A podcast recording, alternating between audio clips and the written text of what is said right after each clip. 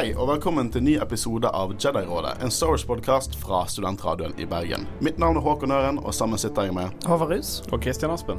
I dag skal vi nemlig diskutere mer Star Wars. Eh, denne gangen konklusjonen av originaltrilogien, nemlig episode 6, Return of the Jedi. Eh, hva er det dere forventer eh, ut ifra denne sendingen, gutter? Ja, altså, det er en film eh, som jeg likte veldig godt når jeg var liten. Eh, og så etter hvert som jeg ble eldre, så så, så, så jeg feilene med han, men uh, samtidig så har jeg òg, etter å ha sett han igjen nå, begynt å like han mer igjen. Så det Det du egentlig sa der, er hvorfor vi diskuterer Star Wars. For vi har lyst til å sette det i et kritisk lys, samtidig som hylle det.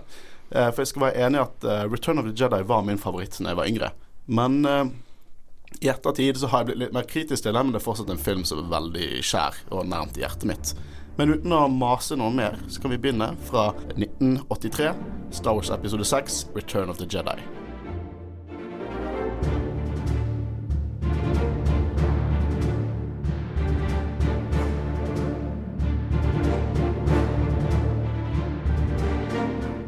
Igjen så må jeg advare om at dette her er en spoilersending, så hvis ikke du har sett filmene, så må du slå av nå.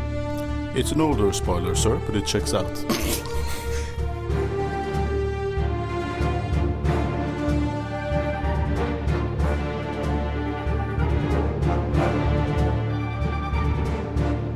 Vi starter med en kort recap av akt 1, og etterpå så går vi videre og diskuterer. I opening crawl så får vi vite at Luke er tilbake på sin hjemplanet Tatooine for å redde Han Solo fra Jabba the Hutt, og at i mellomtiden har Keiserriket begynt konstruksjonen av enda en romstasjon som er kraftigere enn den første Death, Death Star. Det var en setning, det. Filmen åpner med at Darth Vader ankommer den nye Death Star, og allerede nå er det mer sikkerhet. For å ankomme må de ha en sikkerhetskode for å åpne skjoldet. Vader klager over progresjonen, og vi får vite at keiseren er på vei til Death Star. På Tatooine går 3PO og R2 til Jabbas eh, sitt palass, og blir gitt i gave av Luke, som ønsker å forhandle. En dusørjeger ankommer med Chewie, men det viser seg å være en forkledd Leia. Senere på kvelden sniker hun seg og vekker han fra karbonitt, men de blir oppdaga og tatt til fange. Luke ankommer og bruker Jedi mind tricks for å få audiens med Jabba.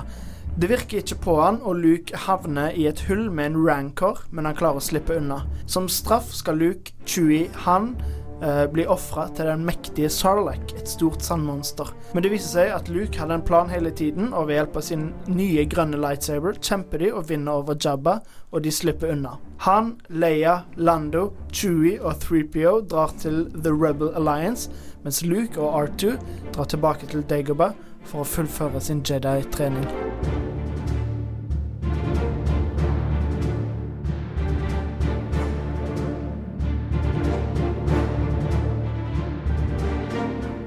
Ok, Nå eh, skal vi begynne diskusjonsdelen av eh, akt 1 eh, fra Return of the Jedi. Og det første vi ser i denne filmen, eller vi får intro crawl, og de forteller at det er enda en Death Star. Litt repeterende kanskje fra New Hope.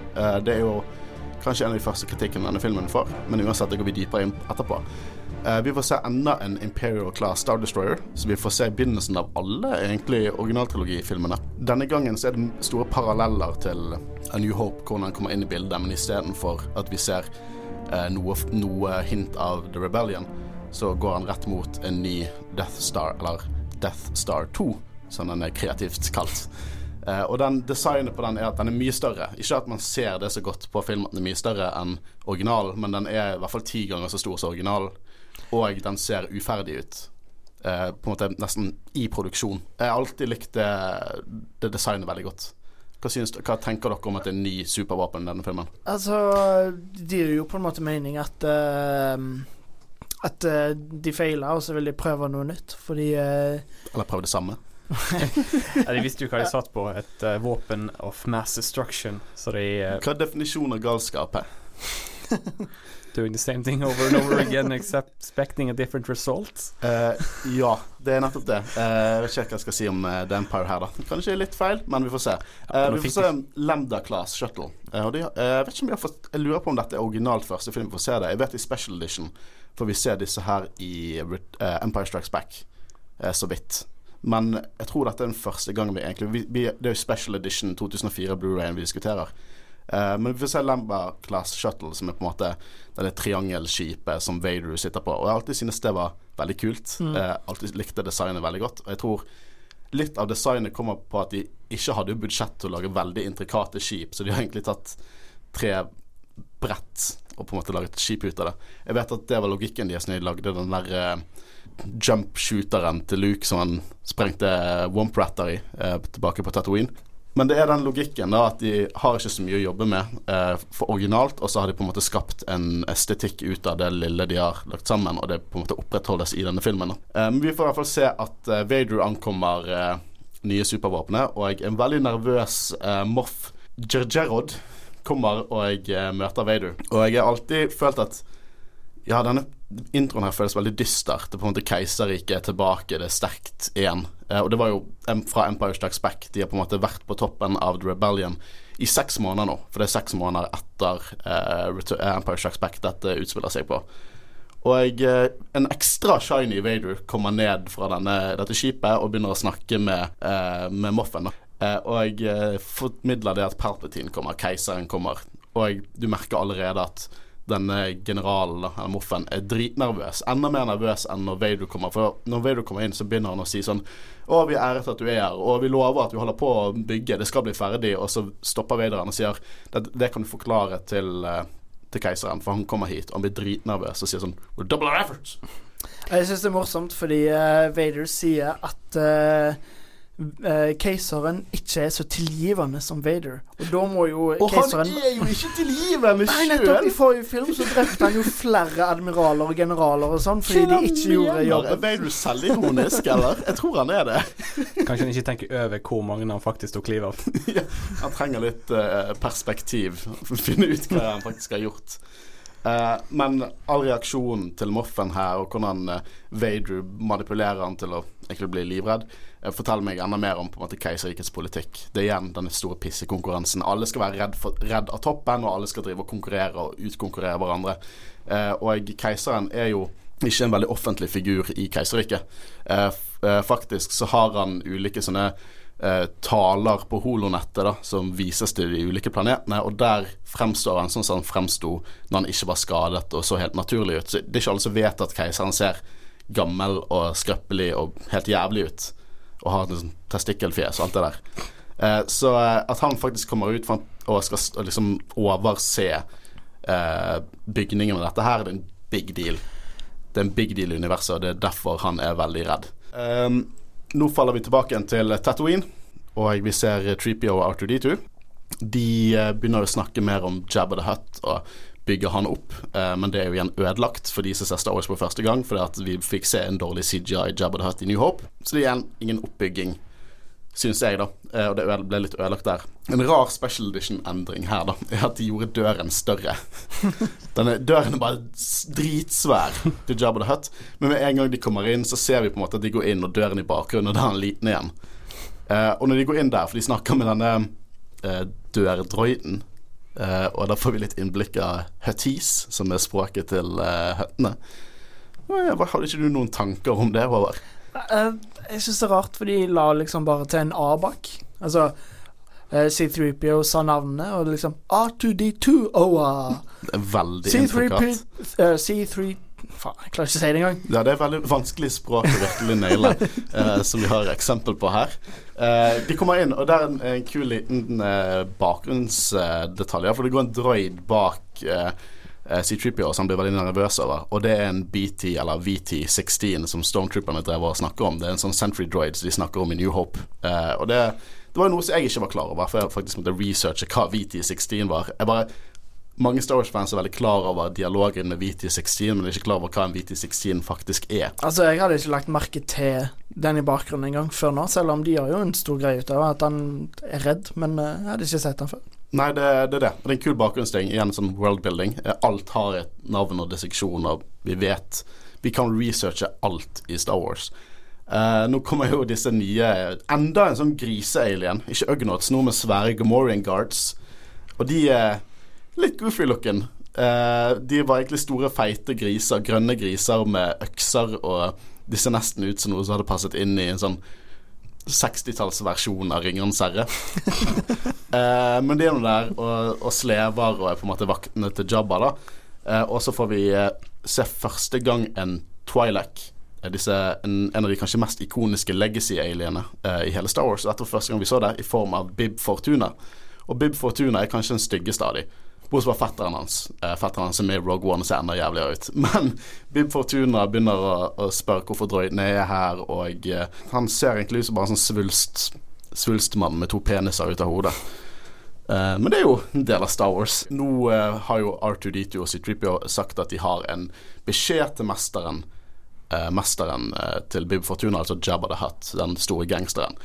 Og vi må snakke om designet til Jabba, for det er nå vi blir revealet den praktiske dukken som er Jabba, styrt av seks folk i bakgrunnen som er inni den drakten og styrer halen og øynene og munnen og armene. Så hva, hva tenkte dere første gang dere så Jabba the Hutt? Det er en god tanke, Christian. Han er helt målløs. Tja, si det. Stor, uh, funny looking larve? Eller Space Lug. space lug? Altså, han er ekkel. Han er Jeg kjøper det at han er ekkel, liksom. Det, Jeg kjøper at han er ekkel. Men jeg kjøper ikke det at folk jobber for han. Uh, og, Hvor får han pengene fra? Uh, og han går inn for deilig law her. Uh, så høttene er en veldig merkelig type rase, for rasen er De er så å si født inn i organisert kriminalitet på Nalhøtta. Eh, og Jabba er en av lederne av Hutt-kartellet. Er alt Hvis du en episode av Clone Wars, så er det bare masse sånn parodier på sånn The Godfather. Så det, det er en som på en måte snakker litt sånn her eh, Sånn som eh, Don Corleone gjør i The Godfather, bare på Huttis. Eh, så de har mye penger egentlig på sin planet og styrer underverden. Og eh, Jabba tok og erobret egentlig Tatooine.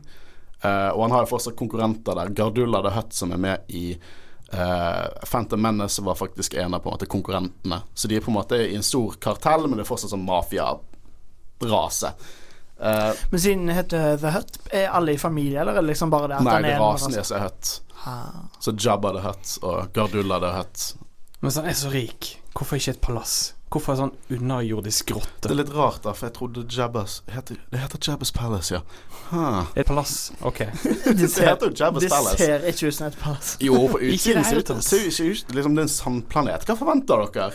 Det, hvis du hadde bare hatt sånn intrikate liksom, gardiner og, og puter og sånn, da hadde jo alt hadde blitt et helvete. Vi vet ikke om støvsugere eksisterer i Star Wars-universet. Det vet vi ikke. Men eh, det er jo eh, det er jo bare masse sand der inne. Men det ser litt, litt digg ut, da. Det er Litt sånn episode av Friends når det er masse sand inne eh, på det der huset de bor i, og så bare driver de og lager sandslott i sand. Friends og Star Wars. Det er andre gang vi kommer med en parallell.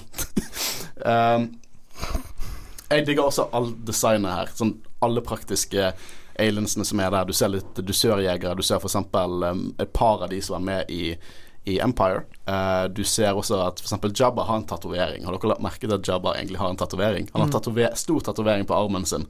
Seriøst, det har jeg ikke fått med meg. Og det er bare en bitte liten ting. De zoomer ikke inn på det, gjør en ting ut av det, men bare designet er at han har en tatovering. Og bare det at han har en tatovering gjør meg veldig glad. Jeg vet ikke hvorfor, jeg syns det er bare så gøy. Alle aliensene som er der, ser skikkelig kule ut, egentlig. Det er, altså Det er jo eh, alltid mye kult i Star Wars, men ifølge originaltrilogien så er det liksom Du merker det ekstra godt, fordi da er det liksom Det var noe helt nytt innenfor science fiction, på en måte. Og, Ja, det er ganske stilig. Det eneste jeg ikke likte i den scenen, eller i eh, eh, det tilfellet, er hun der som begynner å synge. Og, eh, vi skal komme tilbake ja, til det. ja, men Håkon, hvis vi kommer tilbake til det. Du gjorde jo en fin utgave av det her i sted. Kan ikke du ta en live for oss?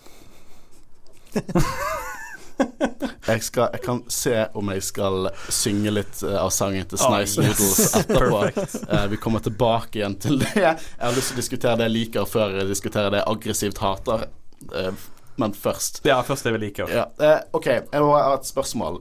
Så Bib Fortuna kommer opp til Jabba og sier Og egentlig er en oversetter til hva droidene sier, men Jabba kan jo hoved... Han kan språket. Han snakker jo med Luke og alle senere. Så tror dere dette er bare en sånn formalitet, at han må ha en translator ved siden av seg? kanskje det er bare for å vise eh, eh, makt, og bare være Det er power move. Ja. ha denne merkelige innavl-alien ved siden av seg og sånn. Ja. Og så er det veldig gøy, for at uh, C-Tripio snakker jo Hvor mange forskjellige språk? Ikke det? Six millions. Six million, ja, sant. Jeg tror ikke helt på han, da. For han virker liksom Dialekten hans er jo ikke så bra. Som Håvard sier, han bare tar en A på slutten av det. Det er litt sånn som når jeg skal skrive, eh, skrive nynorsk. Jeg bare skriver A på slutten av alt. Det er derfor jeg fikk to i nynorsk. Nei, jeg fikk tre faktisk på videregående. Tre i nynorsk. Eh, ok, nå, nå får vi se det at, eh, at uh, eh, R2D2 viser frem et hologram av Luke. Og Luke virker nå som en helt annen karakter. Han er rolig, selvsikker, ikke whiny lenger. Luke er ikke whiny i denne filmen. Jeg digger Luke i denne filmen. Han virker som en Jedi Knight. Han er eh, fullt bare svarte klær. Eh, og du merker at de seks månedene, og det er ikke så lenge, må ha vært eh, Har mye hendelser i seg, og mye har skjedd mellom filmene. Nei, Jeg tror det vokste veldig på når han fant ut hvem faren hans var, at det var Darth Vader. Altså Han utviklet seg i løpet av det. Det, så, har han det, jo, så har han jo mest sannsynlig blitt trent mye mer av Yoda i løpet av den perioden. det har han faktisk ikke. Det, og det kommer vi også tilbake igjen. Så Derfor spekulerer jeg at noe mye må ha skjedd mellom filmene, Ja, som det ikke okay. er med Yoda. Jo, men ok, mye av informasjonen han sikkert fått uh, lagt i prosessen, så han har utviklet seg veldig Det sånn tror, det tror ja. jeg også. Det, det gikk inn på han. Uh, Mm. Det jeg også digger, er at uh, når han sier 'Å, her er vi droidene. Er de, de, dine, dine nå?' Og så Treepio bare sånn 'Hæ?' Slår til Arthur. Bare, du spiller feil beskjed. Jeg liker at ingen forteller Treepio en dritt, fordi de ikke stoler på at han ikke kommer til å røpe hele planen. så det er gøy. Nå eh, virker Bib Fortuna sier jo til Jabba Nei, han er ikke noe Jedi. Og hvordan skal han være Jedi? Det kjøper jeg etter historien til Star Wars. da Og Jabba har hatt mye med Jedi å gjøre, så jeg kan skjønne at han er skeptisk. For hvorfor skal det plutselig bare komme en trent Jedi Knight etter 23 år, eh, etter de på en måte de visstnok skal ha blitt wipet ut? Så jeg skjønner at det, han er skeptisk eh, til dette her. Nå blir jo R2 og C3PO tatt ned til kjelleren fordi de skal på en måte de, de inn, i, inn i selskapet som er Jabba the Hutt sin eh, bande. Og så er det bare masse droider som blir torturert. Ja, det er en av de scenene jeg, jeg forsto ikke når jeg var liten. For liksom, de er roboter. Altså, det er en robot som skriker når han får sånn der en eh, brennemerke ja. på seg. Nei, ja, ja! Har de følelser? Kan, ja, da igjen, det er kan folk Er det liksom bevisst? Hvorfor torturere Det er akkurat som skal ta en hammer til iPhonen min og bare Do you feel lucky? Sant? Eh, og hvis dette, dette igjen beviser meg at droider har følelser, og at Luke originalt var en slavehandler Men hvis dette hadde vært bare mennesker, da som det egentlig kinda er, nå når vi har fått kommet til konklusjonen at de har følelser. Burde ikke dette bare vært latterlig R-rated? Har denne filmen en toneproblem? De driver liksom legosett av Jabba Jabba's Palace. Så kan du Du vet, enkelte legosett så hadde de sånne features så du kunne på en måte holde nede en eh, Trykke på en knapp, altså. er det et eller annet som skjer. Du har legosett der det går an å torturere en av droidene. Eh, og nå igjen, uh, Arthur banner som faen, fordi at den droiden sier 'you're a feisty little one'. Og jeg vet at han bare sånn 'fuck you want'. jeg liker Arthur mer og mer når jeg tenker at han er bare virkelig aggressiv og banner, banner mye. Og nå uh, verste special edition-featuren som eksisterer. Jeg har faktisk ikke lyst til å snakke om dette. Jeg hater det. Jeg hater det helt jævlig. Eh, det er Snooze Noodles. Snooze Noodles, er det hun heter? Hun skal synge. Det er stort CGI-helvete, og jeg hater det. Det er alt dere får. Det, det, det, det er dritt. Det føles ikke Det føles ut som Phantom Menace. Det er helt jævlig. Jeg takler det ikke. Det eneste kule med disse eh, scenene er at eh, Twi'lek-danseren, som jeg ikke kommer på navnet akkurat nå, hun kom tilbake for å spille mer scener inn eh, 1997, som er mange år etter filmen opprinnelig var, og det kunne ikke sett ut som hun har aget i det hele tatt. Det bare helt sømløst faller inn. CGI-en faller ikke sømløst inn, det er helt jævlig, men hun faller sømløst inn i dette, og vi egentlig ser mer at hun på en måte eh, går litt imot Jabba og prøver å slippe fri. Jeg vet ikke helt hva planen hennes var da. Skulle hun bare dra litt og være litt sint og prøve å løpe ut? Men hun, spilt, hun faller ned i denne eh, trapdooren som er midten av palasset, og vi hører et monster som vi kommer til å få se mer senere. Eh, nå eh, får jo eh, kommer det en dusørjeger som har fanget eh, Chewbacca. Og kan dere navnet på den dusørjegeren som opprinnelig hadde kostyme til, eh, til den personen som er i den drakten nå? Jeg har hørt det før, men jeg husker det ikke. Nei. Det er Bausch. Bausch. Eller Bausch. Bush, som i presidenten. Nei, det er nok Bausch. Eh, og jeg eh, da, Den drakten er skikkelig kul. Eh, jeg syns det er en skikkelig skikkelig kul drakt, og det er egentlig Leia som er i dette. her Men jeg syns det er veldig gøy at eh, Carrie Fisher endelig fikk seg en sånn badass Star Wars-rustning. Sånn eh, intrikat design, masse lærerarbeid og veldig unik. For så å bytte den ut med eh, stripper-outfit senere i filmen. Golden bikini. Golden bikini. Eh, I hvert fall vi ser det at eh, Det er også en kul detalj, for det er masse skyting og herjing. Vi ser det offscreen, og så ser du at det er en som faller ut av trappen der bitte lille eh, dusørjegeren kommer inn med, med Chewbacca. Jeg har alltid tenkt at Chewbacca som har drevet og banket opp alle som er der, og kastet ned i trappen, og så etterpå sånn jeg har på meg håndjern', jeg. Nå eh, er jo det at eh, hun sier på et annet språk, da, og med denne hjelmen, så gjør stemmen hennes annerledes. At hun vil ha 50 000 credits for eh, fanging, eh, fangingen av eh, Chewbacca. Eh, og eh, egentlig var det på 25 000 credits. Og så sier eh, Jabba 'Hvorfor skal jeg gi deg dobbelt så mye?' Fordi hun har en thermal detonator! Og ja, hun holder en thermal detonator, som er en granat. Star Wars-granat. Og så Bobafett er jo der, og han ble aggressiv. Han er også, jeg må nevne at han er en Bobafett en superplayer. For mens de går inn, så driver han og sånn Driver og flørter med masse alien-dansere og sånn. Og det morsomme er at personen som var inne i Boafett-kostymet der, hadde på seg en sånn derre uh, eh, skihette, hadde en sånn skikkelig sånn Ned Flanders-bart og briller. Uh, så han var ikke så badass under drakten. Uh, men han kommer inn der, og han blir litt på en måte skal, han skal skyte ned denne personen. Men så blir de enige om at eh, hun skal få betalt 35 000 credits. Og så etterpå så gir Boafett en på en måte sånn nikker til henne, da. Jeg har alltid tolket det ut av respekt. Sånn 'Å, du er en bounty hunter. Du er badass bounty hunter'. Men hun er jo bare uprofesjonell. Så hun prøver Altså, det er jo skikkelig ballsy move, og det funker jo. Altså, Jabba begynner jo å le og liksom bare ah, Hutta, hutta, nata Og Ja, så er sier han at han liker Og så gir han 35 000, så det funker jo. Ja, men Det er jo kjempeuprofesjonelt. da Det er jo ikke sånn de, de, de skal true en person som har hyret inn til en jobb til å betale dem mer med å drepe dem. ja, men altså, liksom Og hadde jo vært selvmord da. Det skal i hvert fall være glad at det funker. Jeg er litt skuffet over Bobafett, for dette var kjempeuprofesjonelt, og han liksom Han anerkjenner henne. Men uh, Lando må jo vise seg fram til kameraet. Sånn vi vet at det er Lando. Så han kommer med masken sin, som er veldig Jabba the Hutt-ish-isk. Og så bare drar han i masken. Bare, 'Å ja, det er Lando!' Han fra, han fra toeren. Nå er det litt eh, Jeg må vel si litt om på en måte alle effektene og sånn, for vi får se et bilde utenfor palasset. Masse tårn og sånn. Ser litt ut som et palass. Kanskje ikke beste palasset, men et palass. Og så ser du så lite monster som bruker tungen sin til å drepe en liten rotte eller noe sånt, så raper han, og det er veldig prequel-humor. Men effekten ser kjempebra ut. Alltid trodd det var CGI, men det er praktisk.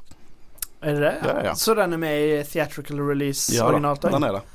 Eh, så jeg husker før var det litt sånn Å, det er bare lagt til teit prequel-humor. Å, det var teit prequel-humor, så var det fra før av. Da er det fine. Nå er jo det kveld, og Leia, eh, forkledd som dusørjeger, går inn og redder eh, Han Solo. Men jeg, er, jeg lurer på en ting. Uh, du kan veldig mye om Star Wars-law og alt mulig. Ja, Takk, takk, takk. Hvorfor i helvete sover alle i stua? Det er jo kjempe Rett av nachspiel, vet du. Har ikke du vært på sånne hytteturer og sånn der du bare alle sover og bare finner seg? Så hele russetiden så var det sånn. Jo, jo, men altså Eller alle besvimte etter å ha hørt på hun synge. Det kan godt hende.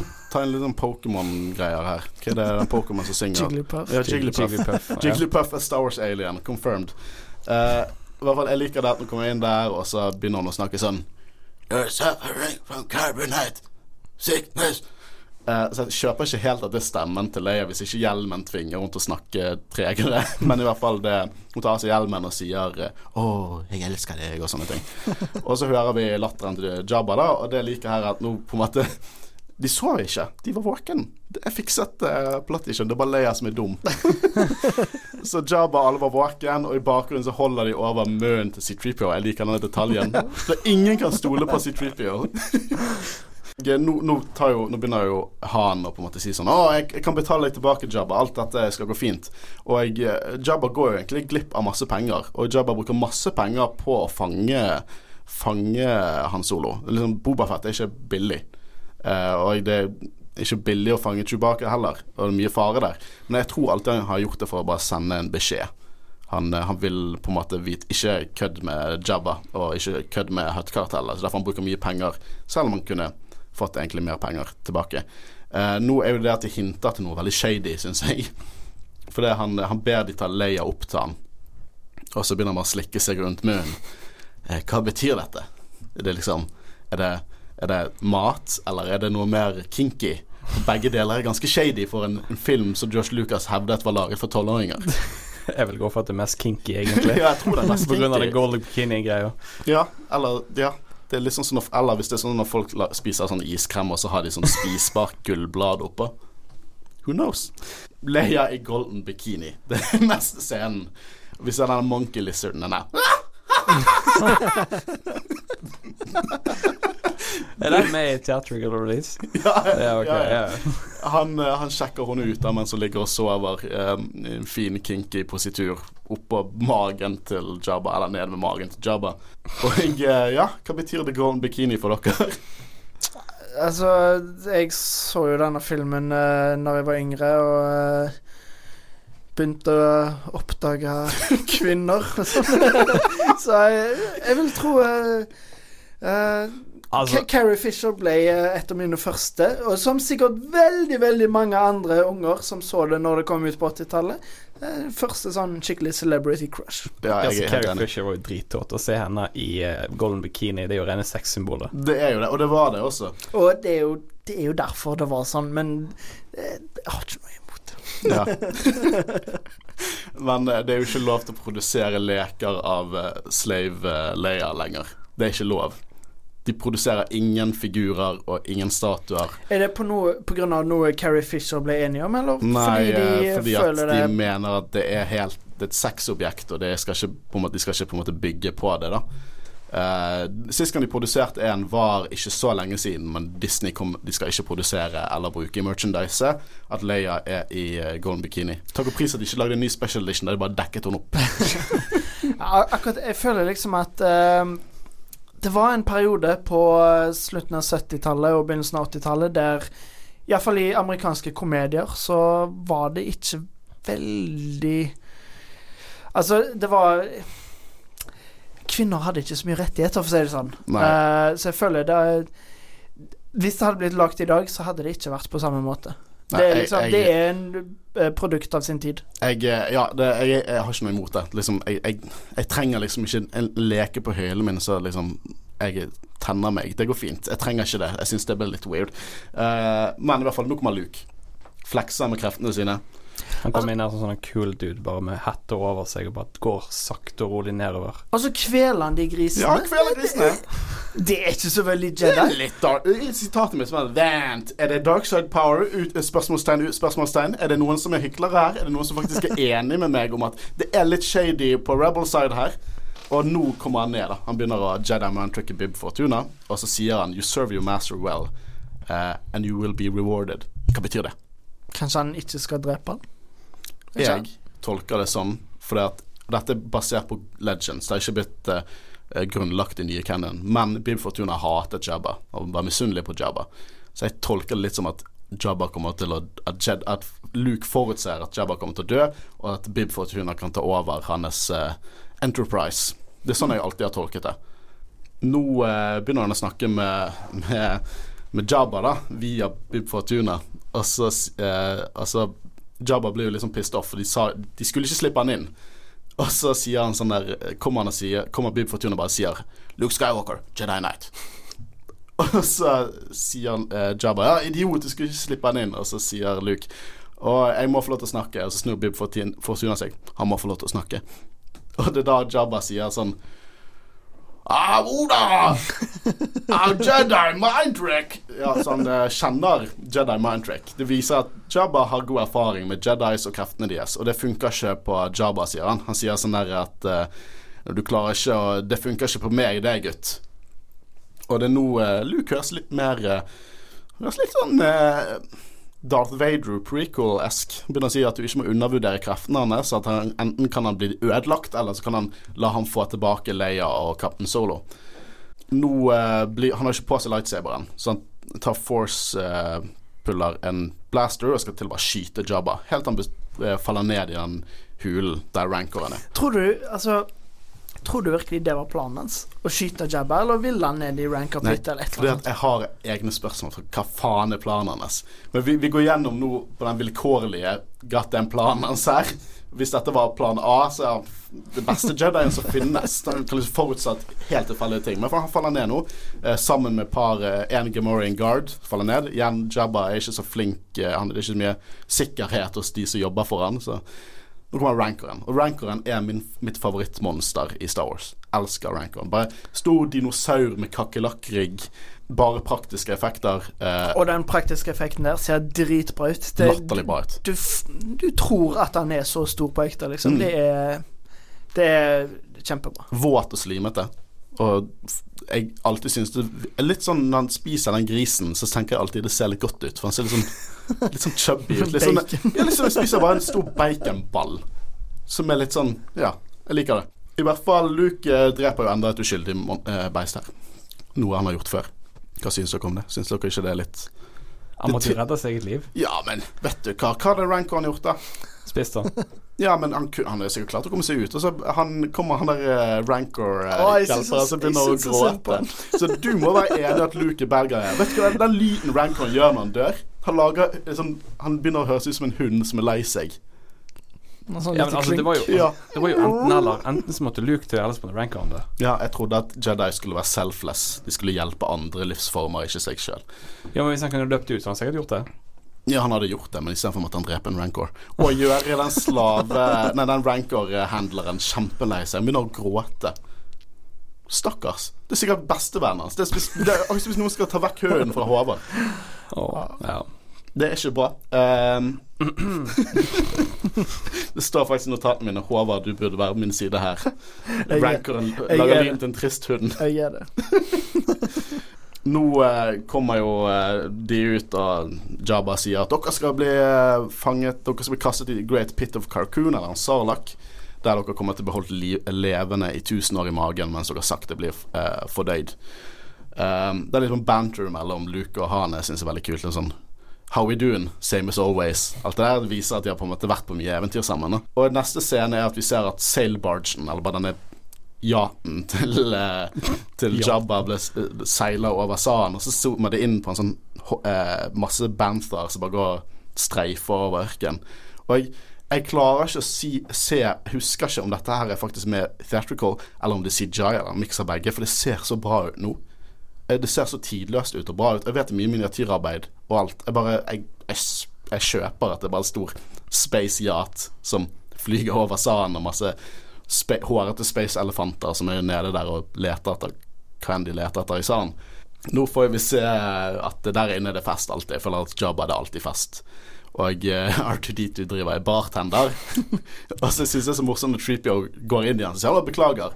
Og så bare, hva er det du gjør? Og så sier, sier eh, Arthur noen pipinger, og så sier Treepio ja, jeg kan se at du serverer drinker.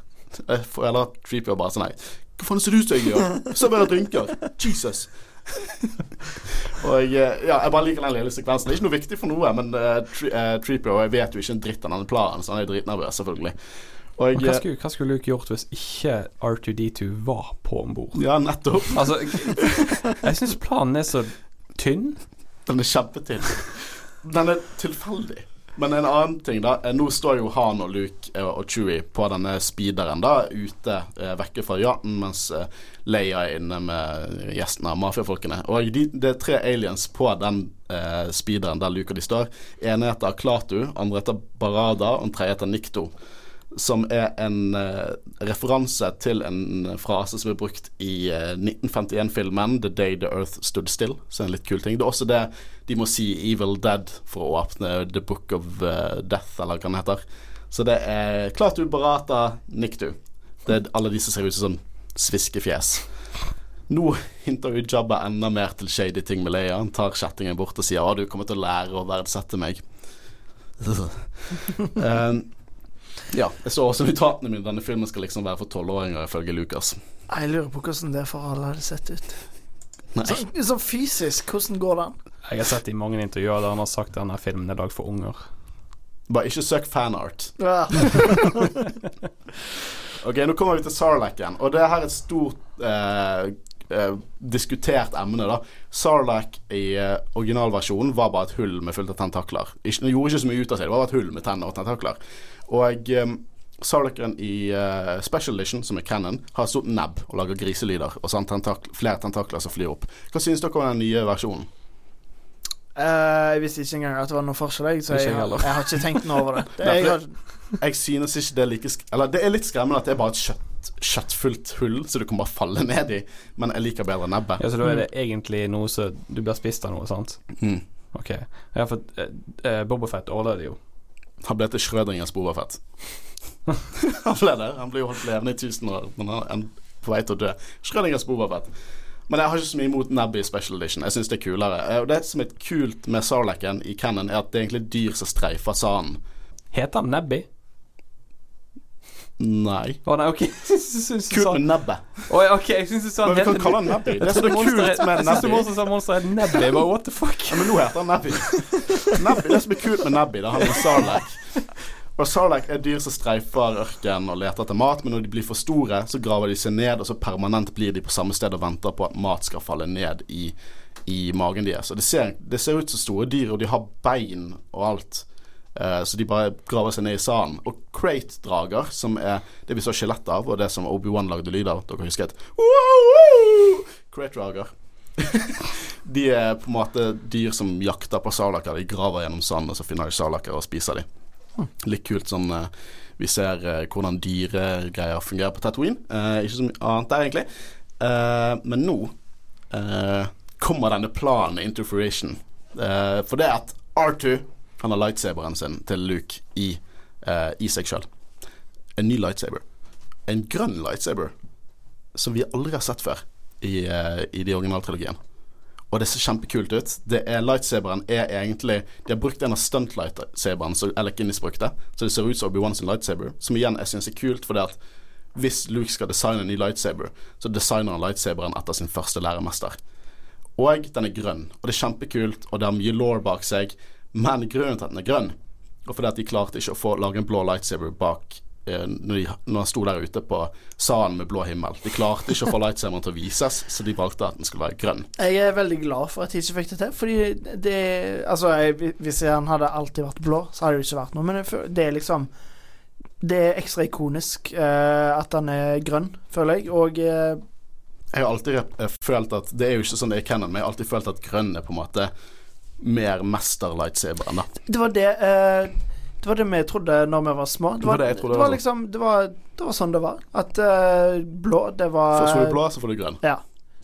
Sikkert bare tilfeldig, men eh, hvor er lilla? Lilla er Det er hvis du er Samuel L. Jackson. Ja. Jeg har masse canon-materiale til dette, men det føler jeg vi må ta senere. Ja, ja, vi tar selvfølgelig det i prequel-trilogien. Ja da. Eh, men eh, nå blir jo det mye kamper her, da. Og jeg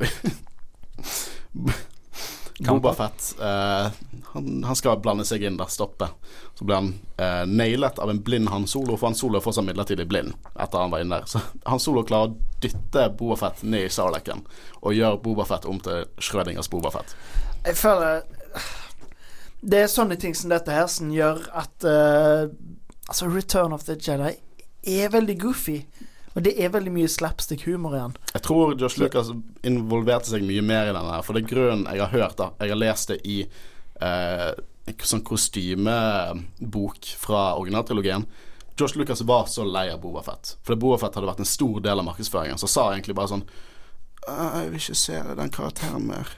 «Øh, vi dreper han nå. Og så sier han alle folkene rundt Ja, men det er så mye potensial. Bare se på designet. Og, og folk er skikkelig hypet på han. Spar på Bobafett. Gjør han til noe mer. Nei, jeg vil ikke se han igjen. Hvis du vil, kan du kaste han ned i Sarlacken, for da er han kinda ikke død, da. Så dere kan ta han opp igjen senere. Ja. Så der nede er han. I nye Cannon har de hintet til at han kanskje kom seg opp, men foreløpig er Bobafett Schrøningers Bobafett. Som er mitt beste Jeg elsker å si Men, men altså, er Sarlacc Har det et eller annet magisk med seg som gjør at folk holder seg i live i Men tusener? den, eh, det tror jeg ikke. Den holder de i live. Jeg vet ikke om den legger de ned i koma eller et eller annet sånt. Det er veldig gøy Robot Chicken. Han sitter de sitter der nede og spiller kort og sånn. Det er tredje episode på rad der vi nevner Robot Chicken. Ja, det er mye gøy å hente derfra. Eh, ja, så Boafett blir egentlig drept pga. markedsføring. Uh, Luke blir skutt i hånden sin, noe som gjør at han ikonisk bruker én svart hanske. Nå skal vi diskutere litt Hva, hva er dealen med planen til Luke? Hva, hva, hva, hva er det som skjer her? Han er veldig heldig. Han er utrolig heldig. Altså, all, hele planen hans går ut på tilfeldigheter. De gjør jo det. Det er liksom Men altså, det kan jo hende at han på en måte har eh, sett framtiden og vet at uh, han kommer til å ende ute der. Jeg vedder på at Men- han har vært inne på, hos Jabba og så bare sånn fjernet bartenderdroiden og fjernet alt, så alle droidene er der. Å se framtiden er jo veien til den mørke siden. Nå bare finner du på Cannon.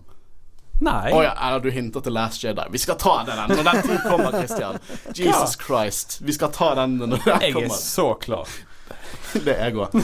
Men i hvert fall, jeg tror bare det at generelt i film, når folk ser sånn som eh, Dark Knight, så begynner folk å si sånn Ja, hvordan går planen til Jokeren veldig godt gjennom? Mm, Vi ser ikke nødvendigvis plan A. Vi ser kanskje deler av plan A, deler av plan B, deler av plan C, men vi ser det som faktisk blir unnagjort. Hvis, eh, hvis det skulle bare alle karakterer i filmer hadde, spilt, hadde laget bare én plan, så hadde det enten bare vært Det hadde vært binært. Enten så gikk det, eller så gikk det ikke.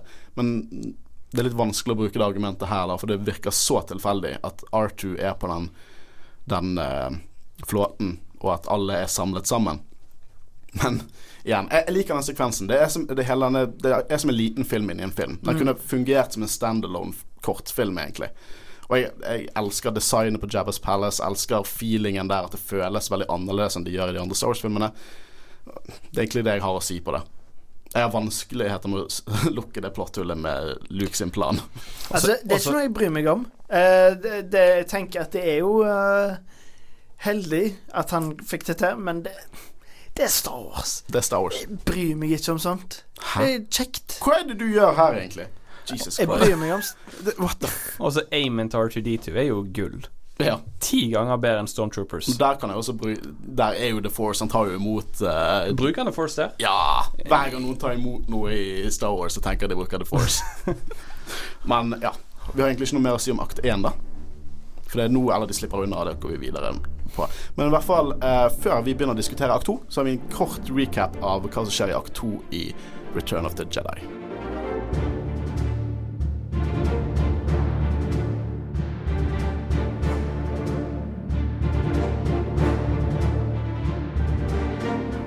Gjengen drar nå for Tatooine og sier de skal møtes på møtepunktet.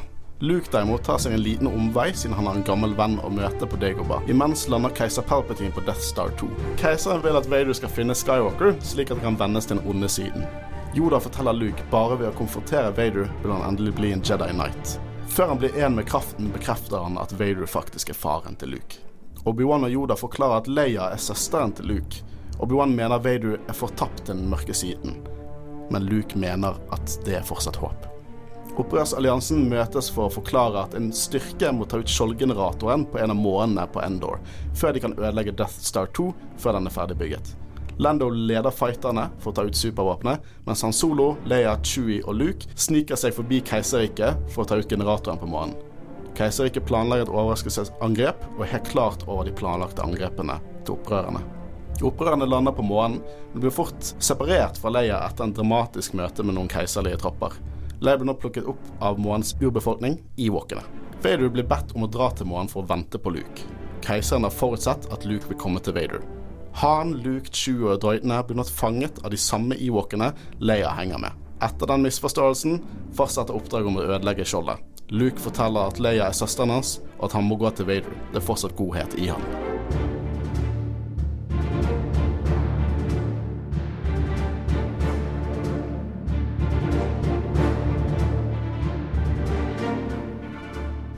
Nå skal vi diskutere akt to av Return of the Jedi.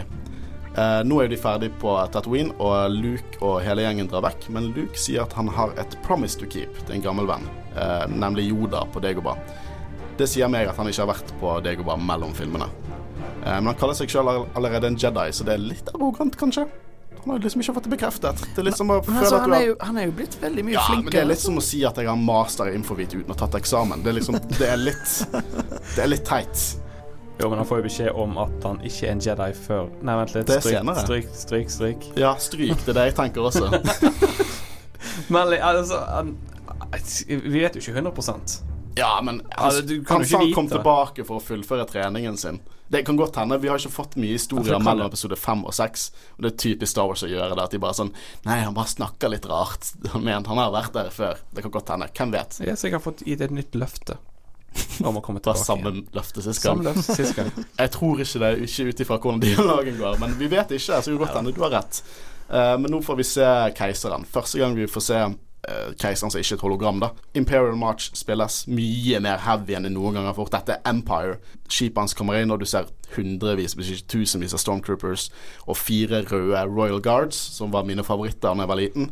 De ser Altså, designet på de er De er skumle. Ja, Altså, og jeg- jeg- simpelt, men effektivt. Og i filmene så kan du Du vet liksom ingenting om de, de bare er der, og det er skikkelig Ja, de gjør ingenting, egentlig. De bare er der. Du har egentlig forklart det. De bare er der. Men de er skikkelig kule. Uh, de ser veldig distinkt ut fra, fra, fra hvordan Stormtroopers ser ut. Og så får Eh, vi endelig se Ian McMurdermian Ja. i rollen. Uh, I sitt eh, gamle I sitt kostyme ser ut som svidd. Og jeg uh, begynner å snakke med Vader, kaller han old friend. Og eneste personen Darth Vader himself eh, kneler til. Og jeg, eh, de begynner jo å diskutere dette med Luke, og du leter fortsatt etter han. Ja ja, skal jeg prøve å få han på Dark Side? Yes, ok. Eh, direkte sitert fra filmen. Eh, det som er kult nå, for nå ser vi Luke eh, på deg og snakker med Yoda. Og Yoda bekrefter at Vader er faren til Luke. Og grunnen til at han bekrefter det, var fordi at etter Empire Strikes Back så meste, stor del av publikum trodde ikke på det. De mente at Vader løy, så de måtte ha en good guy til å bekrefte at det var sant i Return of the Jedi. Nå sier jo Yoda at det er ingenting mer han kan lære han, fordi Yoda legger seg ned egentlig for å dø, og det er ingenting mer eh, Yoda kan lære han. Han har alle skillsene han trenger, så sier han 'ja, men da er jeg en Jedi', da. Og så sier Yoda Nei, du er ikke det. For du må konfrontere Vader før eh, du blir en Jedi. Drar han dette ut av ræven sin, eller? Sånn, hvorfor man konfronterer han for å bli en Jedi? Hvorfor? Vet du hva dette høres ut som? Jedi-propaganda. Så du får ikke lov til å bli dette her før du har gjort dette her, og han fyren er motstanderen vår. Det høres ut som Yoda blir, eh, tar og manipulerer Luke. Eh, egentlig Yoda ond? Er dette en stor konspirasjon? Så Jediene ond og Rebels er bare deres lakeier? Hm? Men spørsmål, har ikke han allerede gjort det? Ja, han gjorde det feil, da. Jo, jo, men han, han har konfrontert Wader. Ja, han, sa han ikke at han, han sa ikke at han måtte vinne over Vader. Nei. må- Hei! Ha det. At, eh, Luke blir sånn irritert når Yoda sier at uh, Han sier ja, det var uheldig at han sa at han var faren din, og så blir Luke litt irritert. Så hvorfor det? Bare sier Yoda. Du var for tidlig. eh, Du, var, du, var ikke, du var redd Jeg var redd for at du ikke var klar for denne, dette presset, og du dro der for tidlig. Kattemitt. Du skulle fullført den jævla treningen din. Eh, som ja, det er litt sånn Å ja, du klager nå fordi du var en whiny bitch og reiste vekk når du skulle bli en Jedi. Det er akkurat som å ikke lese på master. Han hadde en leseplass, og han bare stakk derifra. Han brukte ikke leseplassen sin. Men igjen, når eh, Luke møter Yoda igjen i Return of the Jedi, så er han jo faktisk Han står der og lager mat, jeg sant? Koker suppe. Ja, jeg tror bare legger Han fikser i peisen Ja, for han ser jo ikke akkurat dødssyk ut der og da. For Grunnen til at jeg tar det opp, er jo fordi at uh, originalt så var det av at eh, Yoda var en så svær karakter at George Lucas bestemte seg under produksjonen at han kunne ikke overleve. Nei, Han var for sterk. Ja. Det var derfor de tok nerten av han. Det gir mening. Tok nerten av han, det var litt feil. Men det passer også, da. Ja. Han har på en måte gjort sin rolle for historien, da. Yes. Altså, det passer, men det gir ikke mening. Altså, Han virker ikke så gammel for seks måneder siden. Fikk han kreft? Men tenk, hva også, men tenk også når folk blir one with the force. Vi kommer til å gå tilbake til det med sequel-filmen. Men når du føler at du har på en måte er fornøyd med det du har gjort, da du, du er komplett Og Yoda sier at han ikke har noe mer å eh, lære Luke. Han er ferdig med denne historien. Han har gjort sin del. Nei, men Han virker fysisk eldre òg, liksom. Det er litt, Ja, hvordan han snakker og alt. Han er vel sliten. Eh, Han er vel hva er han, 800 år? 900? 900. 900 år, ja, hva er 100 år til. Men um, eh, grunnen til at han reiste til Igebar Dette her er jo tilbake igjen, altså i Jeg tror det er nevnt i Klonekrig-serien. Um, Mm. At Igebar er veldig sterk med kraften. Det, det var der han reiste for Det var der han først så uh, Quaigon. Ja, han i hvert fall fikk høre Quaigon, da. Ja, så det var der han lærte liksom at han, det er noe etterpå òg. Så uh, det at han blir one with the force igjen, er, er en ganske ny ting. Og det er så å si Quaigon og den planeten og den reisen han har tatt, som gjør at han faktisk klarer dette. Veldig bra. Takk. uh, det hørtes jeg kjempearrogant ut. Beklager det. ah, you know something! Men Yoda driver og snakker at han ikke må undervurdere keiseren. Og jeg syns dette gir mer impact etter jeg vet konfrontasjonen Yoda og keiseren hadde i prequelsene, som igjen skal ta når vi tar det. Men der er ett scenario der prequelsene på en måte tenker å, det har skjedd. Noe av det er litt bra. Uh, eh, OK, nå kommer Obi-Wan. Uh, setter seg på en stokk. Uh, som får klikk av vinkel over, for de skjønte ikke at de faktisk er fysisk til stede når de er Force Ghost, men det er de. Uh, og begynner å forklare at han ikke løy. Han bare sa en another point of view. Kan jeg si Å, jeg har lyst til å si den setningen. From a certain si point of view. Ja. Det er en løgn. Nei, vet du hva? Ok, nå skal Jeg, jeg syns Obi-Wan er en shady dude. Men eh, hvis du på en måte er deep in the dark side, så er ikke du den personen som du var. Når Vader på sin peak, Vader under eh, Empire, under New Hope, og mell, før og mellom, hadde veldig lite med Han tenkte ikke at han var Anakin, og lite av Anakin eksisterte i han. Eh, og det er egentlig mer nå at han ble trukket til the light side, igjen pga. Luke, at på en måte Anakin skinner litt igjennom. Ja, men allikevel Det er jo ikke sånn at han ikke lenger er faren. Men det, det er litt sånn forskjellig Ok, La oss si uh, eh, Vader han, han blir jo redeemet til Anakin på slutt. Dere har sett filmen før, ikke klikk. Uh, Spoiler alert! men uh, Vader sin maske inneholder fortsatt ekstremt mye dark side power. Igjen, du ser en viss barnebarn snakke med den i en senere film. Og det er på en måte også et argument for at ja, Vader er én ting, og Anakin Skywalker er en annen ting.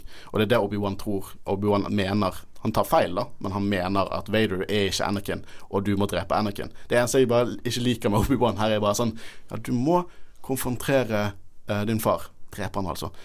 Og så sier han 'jeg kan ikke gjøre det', det kan hende med godhet igjen. Så sier han 'ja, men da har vi tapt, da'. Du var den siste. Obi-Wan uh, sier jo også at uh, Yoda sa det Det er ikke another Skywalker. Obi-Wan bekrefter dette, og Luke bare Yes, det er Leia! Uh, og at grunnen til at hun har vært anonym, er fordi at Anakin kunne ikke Eller Vader kunne ikke finne ut at Anakins barn levde, så ville de være en trussel mot han og keiseren. Så derfor har de blitt gjemt. Og jeg ja Uh, Obi-Wan advarer jo Luke om at han må lukke sine følelser, for den kunnskapen kan gjøre at du blir brukt imot ham. Noe som kommer opp igjen senere også. Eh, Litt foreshadowing her, ja. Ja, ja, ja. Force shadowing. Eh, ok, nå får vi se Rubble Rebel-fleeten. De er enda større, enda mer organisert, med liksom uppumping eh, musikk. Eh, Jeg synes de virker mye mer militaristiske nå enn de har gjort før. De, får, de har gått fra super ragtag, par bøller, til å bli uh, liksom organiserte terrorister, til å bli et liksom sånn Sovjetunionen nå. Jeg må bare bruke bad guys. uh, nå er det masse forskjellige aliens. De har sluttet å være rasister. Vi ser uh, Mon eh, Calamari. Vi ser uh, Pruneface. Dere husker vel Pruneface fra Robot Chicken? Pruneface! Alien het Pruneface. De kom ikke på et navn. Han har et canon-navn, men i leken het Pruneface. Nå er jo Lando blitt en general, og Han Altså- Solo blitt en general. Hva skjer med det? De har La, Han har vært vekke i seks måneder. General! det må være et så stort korrupsjonsproblem innenfor eh, rebellene. Altså, Lando nevner Oh, they must have heard about uh, Battle of Tanad. Altså, Ja. Her er det ikke snakk om å bygge seg opp i rankene. Her blir du bare general. Han var god i én battle, og så ble han general. Det er sikkert der Han Solo har brukt pengene sine. Da. Han betalte ikke tilbake jobba, for han bare sånn Jeg er general general! Eh, eh, ja, Mon Mothma og uh, Admiral Akbar holder jo en liksom, De forteller må, vi må lande på månen, fjerne skjoldgeneratoren, så kan vi ta ut Death Star 2 før den er fullført. Og Um, Admiral Akbar-karakteren. Altså, de kostymene der er så kule. Å, de er nydelige. Å, de er så tidløse. Bare fiskemenn. Men uh, OK, så nå er det mitt konsept for Rogue 2. Eller Det, jeg vil bare påpeke ehm, at det var faktisk eh, George Lucas ba regissøren som heter Richard Mark One eller et eller Mark annet. Et eller annet sånt. Han spurte om han kunne finne kostyme. Eh, så tilbake igjen sa han at nei, George Lucas, det må du fikse. Så bestemte George Lucas nei, du fikser dette her. Og han elsket det George Lucas. Det kostymet var gull, og det er jeg helt enig i. Det Det er var det. et nydelig valg. Nydelig valg og nydelig karakter. Mm. Eh, Selv om han så vidt er med i filmen. Alt han sier, er bare sånn perfekt. Han har- trap! Han har jo en av de mest ikoniske linjene. It's a trap! Yes! A fortress can repel power! Eh, I hvert fall. Uh, uh, Mon forteller jo De har funnet nye planer til Death Staren, uh, tydeligvis. Og hun sier at 'many Bothans had to, to, die to bring us this information'. Og Det vil si at hvis de lager en Rogue 2, så må alle være sånn hundemennesker. For det er det som er Bothans. Men altså, first, okay, de var... trenger jo Star Wars-filmer, de òg. Ja, for det hadde vært mitt spørsmål til deg. Hvem er det? Det er et rase med hundefolk. Eh, jeg husker at før i gamle Cannon så var de veldig flinke på sånn stealth og espionasje. Jeg vet ikke hva det er med raser sånn. Ja, dette er gangsterrasen, dette er spionrasen. Men, sånn det eh, men det er fortsatt i Cannon disse hundefolkene. Så det, det hun sier, er jo så å si at alle som ga de informasjon, var denne rasen. Så enten så må de lage en film Hvis de lager en film av det, sånn som de lagde Rogue One, er jo det at de må bare ha fullt av folk i hundekostymer. Eller de bare sier at det var en karakter som het Manny Bothans. Jeg liker den siste. Men uh, Admiral Akbar, altså hmm, I det minste så gir de han ikke bare én linje og skyter han inn i space etterpå. Uh, du vet at uh, hvis du snakker om Holdo nå, så tar vi det senere. Du vet at hun er mer med i Star Wars-filmene generelt enn Akbar er. Vet du det? Var du klar over det? Jeg bare Kutt den delen. vi kan ta det når det skjer. I hvert fall uh, Jeg elsker at um, At General Maydeen kommer opp, og så har han et helt klart falsk skjegg på seg. Det ser helt jævlig ut. Og Grunnen til at han har falsk skjegg, var fordi at de produserte lekene General Medine før de filmet filmen, og da hadde han på seg skjegg. Men skuespilleren barberte seg, og de var sånn Du må ha skjegg, for leken har skjegg.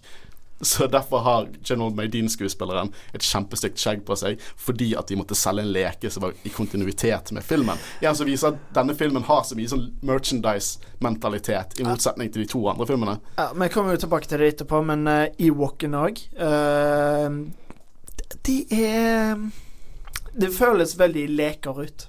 Mm. De, de må ha blitt designa for å kunne det. barn. Det er helt klart. Derfor jeg syns denne filmen har litt toneproblem. Mm. Uh, hvert fall, ok, Nå finner du ut at uh, Lando er general for uh, skipsstyrkene. Jeg vet da faen hva han har på CV-en sin. Battle of Tanem var helt utrolig. og Han Solo han skal lede infanteritroppene sammen med Leia, Luke, Chewie og drøydene. Uh, og de har fanget en Lambda Shuttle for å komme seg forbi skjoldet med Imperial koder. Uh, gamle Imperial koder, gamle, bare for å bekrefte. Men jeg tror de works out. Ja, ja, ja, ja. Uh, ok, så nå uh, gir jo han solo Millennium Falcon til Lando og er litt nervøs, og han har en funny feeling at dette er siste gang han kommer til å se det skipet. Eller kan vi si en bad feeling at det er siste gang han kommer til å se det skipet. Uh, og så dette er kult, da. I flåten så, sånne store Mon Calamari-skip. Moncal-skip. Det er de hovedfregattene til Rebel Alliance. Er de. Og Det som er kult, at på Moncal-planeten så fungerer de som bygninger. De ligger eh, type vertikalt ned mot bunnen og fungerer nesten som skyskrapere under havet, og så bare kan de reise de opp, og så blir de skip. Og det er jo skip som Rebellion har brukt lenge.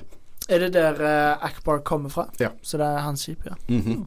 De, uh, nå vil vi se det at, at Vader og Palpatine snakker. Uh, Palpatine vil at Vader skal holde seg på sitt skip, The Executor, og vente mer ordre. det er også snakk om at det, er masse Rebels som samles ned Sullust, en flåte der. Liksom bakgrunns, Det skjer en annen konflikt der også. Litt kul bakgrunnsgreie. Så det er ikke den samme Rebel-flåten som uh, er med i filmen? Det skal visst skje et slag der uh, også. Jeg er litt usikker på det, men de, de, en del av de kommer jeg, jeg, tror ikke jeg kan si noe her, for det, det kommer sikkert til å bli motbevist. Men i hvert fall, keiseren er ikke bekymret for det. Han mener at han skal flytte hele flåten av keiserriket bak månen, og egentlig lage en trap til uh, Rebels. Nå skal jo uh, alle for, uh, liksom, hovedcrewet vårt skal forbi blokaden, og Luke føler at Vader er på skipet, og Vader føler at Luke er der. Men Vader lar de fly, fly forbi. De bruker gamle koder, men det checks out. Og jeg elsker det når han solo sier til Luke Nei, du er bare paranoid. Og sier han til, til Chewbacca uh, Hold deg unna. Men ikke se det ut som du holder deg unna. I don't know, fly casual. Jeg digger det. Uh, men de kommer forbi. Vader vet at de blir sluppet forbi. Så hva er det Vader pønsker på? For han sier ikke det til Perpetin at de fløy forbi. Han kommer tilbake til Perpetin, og så sier han uh, noen er landet på månen, og min sønn er med dem. Og det var jo han som slapp de, uh, slapp de forbi. Dette her med at Vader vil ha Luke på sin side og drepe keiseren, tror dere det fortsatt er i hodet hans på den tiden? Det, det kan jo virke sånn, ja. Fordi Altså, han burde jo egentlig bare ta han til fange med en gang. Ja, eller skyte de ned, så er de ferdig. Mm. Det var episode seks. Men han har ikke fått beskjed av keiseren at han skal Nei, ikke ennå. Keiseren, er keiseren blir litt mistenksom etter han sier det. For han, keiseren er ikke klar over at Luke er der. Eh, og så begynner han å si sånn Han lurer på om følelsene til Vader er klare på i den situasjonen. Men sier han ikke det at da i det første møtet, når de ankommer, at han uh, uh, kan fortsette søket sitt etter Luke? Jo, han sier det første gang, men nå er jo det at Vader har, har bevisst sluppet de forbi. Han visste at de var der, så han kunne skutt de ned, men han lot de lande på månen. Og eh, det vet ikke Palpatine at det var Vader som gjorde det. Palpatine vet ikke at Vader var klar over at Luke var på, dem, på, det, på det skipet. Så det er Vader har sin egen agenda her, virker det som, og ikke deler alt med Palpatine. Um, det er bare hva som skjer senere som får meg til å tvile litt på motivasjonen til Vader. Men nå lander de på en av månene til Endor. Ikke selve Endor, for selve Endor er en gasskjempe. Eh. Så de folkene som sier at å, de har lyst til å se faktisk planeten Endor i Rise of Skywalker, kjenner ikke planetene sine, for det er en gasskjempe. Eh, så de lander på The Moon of Endor, som er Redwood Forest, det det heter, fra San Francisco. Eh, det, ser, det ser alien ut i seg sjøl. Gigantiske trær. Blitt latterlig ikonisk etter denne filmen. Uh, og eh, vi ser Han Solo i en trenchcoat. Det, bare det er kult. Jeg syns det er kult. Uh, og Scout Troopers. Nytt design. Uh, litt teit at de ikke bruker kam kamuflasje på en skogsplanet. Men uh, det er jo ikke bare de som er teite som ikke bruker kamuflasje. Hvorfor, hvorfor i helvete har de R2D2 og uh, C3PO Det er bedre kamuflasje enn bare kritthvit på grønt. Han er gull! Han lyser opp! altså, hvis solen skinner på han, så Har du lyst til at de skulle bare spraymalt uh, C3PO i kamuflasje? sett bedre ut. Bare malt han grønn, liksom. Men han Altså, jeg forstår hvorfor de har R3D2 med, bare for å liksom åpne dører, basically. Men hvorfor i all verden skal de ha C3PO med seg? Jeg har en teori.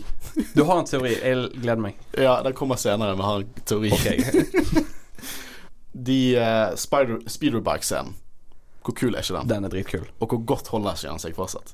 Eh, Veldig. Den, jeg syns det er så kult. De, eh, de tar jo ut noen Scout Troopers, og så plutselig eh, blir eh, Luke og Leia følger etter noen andre som tar på speeder, sånn at de ikke skal finne ut at de er der. Uh, Håvard gjesper faktisk. Ja, det var liksom What? Er du trøtt? Dette må du kutte. Nei. Uh, I hvert fall, så de løper etter. Uh, Scout Trooperne er idioter. Liksom, er dette første dag de får speederbikes? De, liksom, de trenger jo ikke gjøre noe engang. De, de kjører jo inn i trær av egen Ja, men vi har vel egentlig statert at uh, Stormtroopers er morons. Ja, men dette skal liksom være litt sånn special units, da. Jesus. Uh, altså, altså Du kan tenke deg sånn Dette her er elitesoldater som kjemper for imperiet, og så greier de ikke ta hånd om noen Ewoks heller. Altså ja, det- useless. Men her igjen, hvor onde er ikke rebels? de prøvd å infiltrere en, en offisiell arbeidsplass som ikke er ferdig engang, og begynner bare å drepe folk. Jeg har gode Ja, ja, men altså De må jo få den skjoldgeneratoren. Ja, ja, men hvorfor De vet jo ikke om Death Staren skal bli brukt til noe ondt. Å nei! De bygger en ny Death Star. De, hvis de hadde hatt et annet design, eller hvis de hadde kalt det The Comfort Star, så hadde ikke de brydd seg. Det hadde de sikkert. Jeg har noe å si om det designet, men det kan vi komme tilbake til senere. Lightsaber versus speeder er veldig kult. Jeg digger scenen når Luke bare trar opp lightsaberen sin og kutter ned en speeder. Eh, og jeg liker også veldig godt at, uh, at uh, C3 R2 sier at det er veldig pent her, og C3PO liker det ikke. you said it were pretty here. um, og nå kommer en veldig spesiell karakter, og det er Ewok. Små bamser som er sånn én meter høy, maks.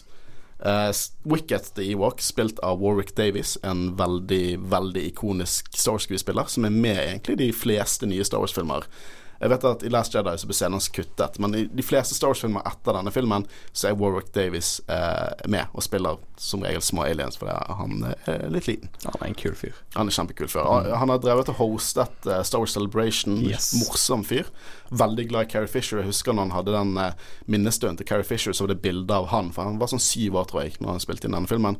Og det bildet av han sitter og leker med Star Wars-leker mens Carrie Fisher har han på fanget og holder rundt han. For Carrie Fisher eh, passet veldig mye på han under og det syns jeg er veldig koselig. Jeg syns det var det skikkelig koselig. Nå er jo det at uh, det gikk litt uh, kronologisk her. Det er nå Vader driver og snakker om at uh, de kom seg forbi.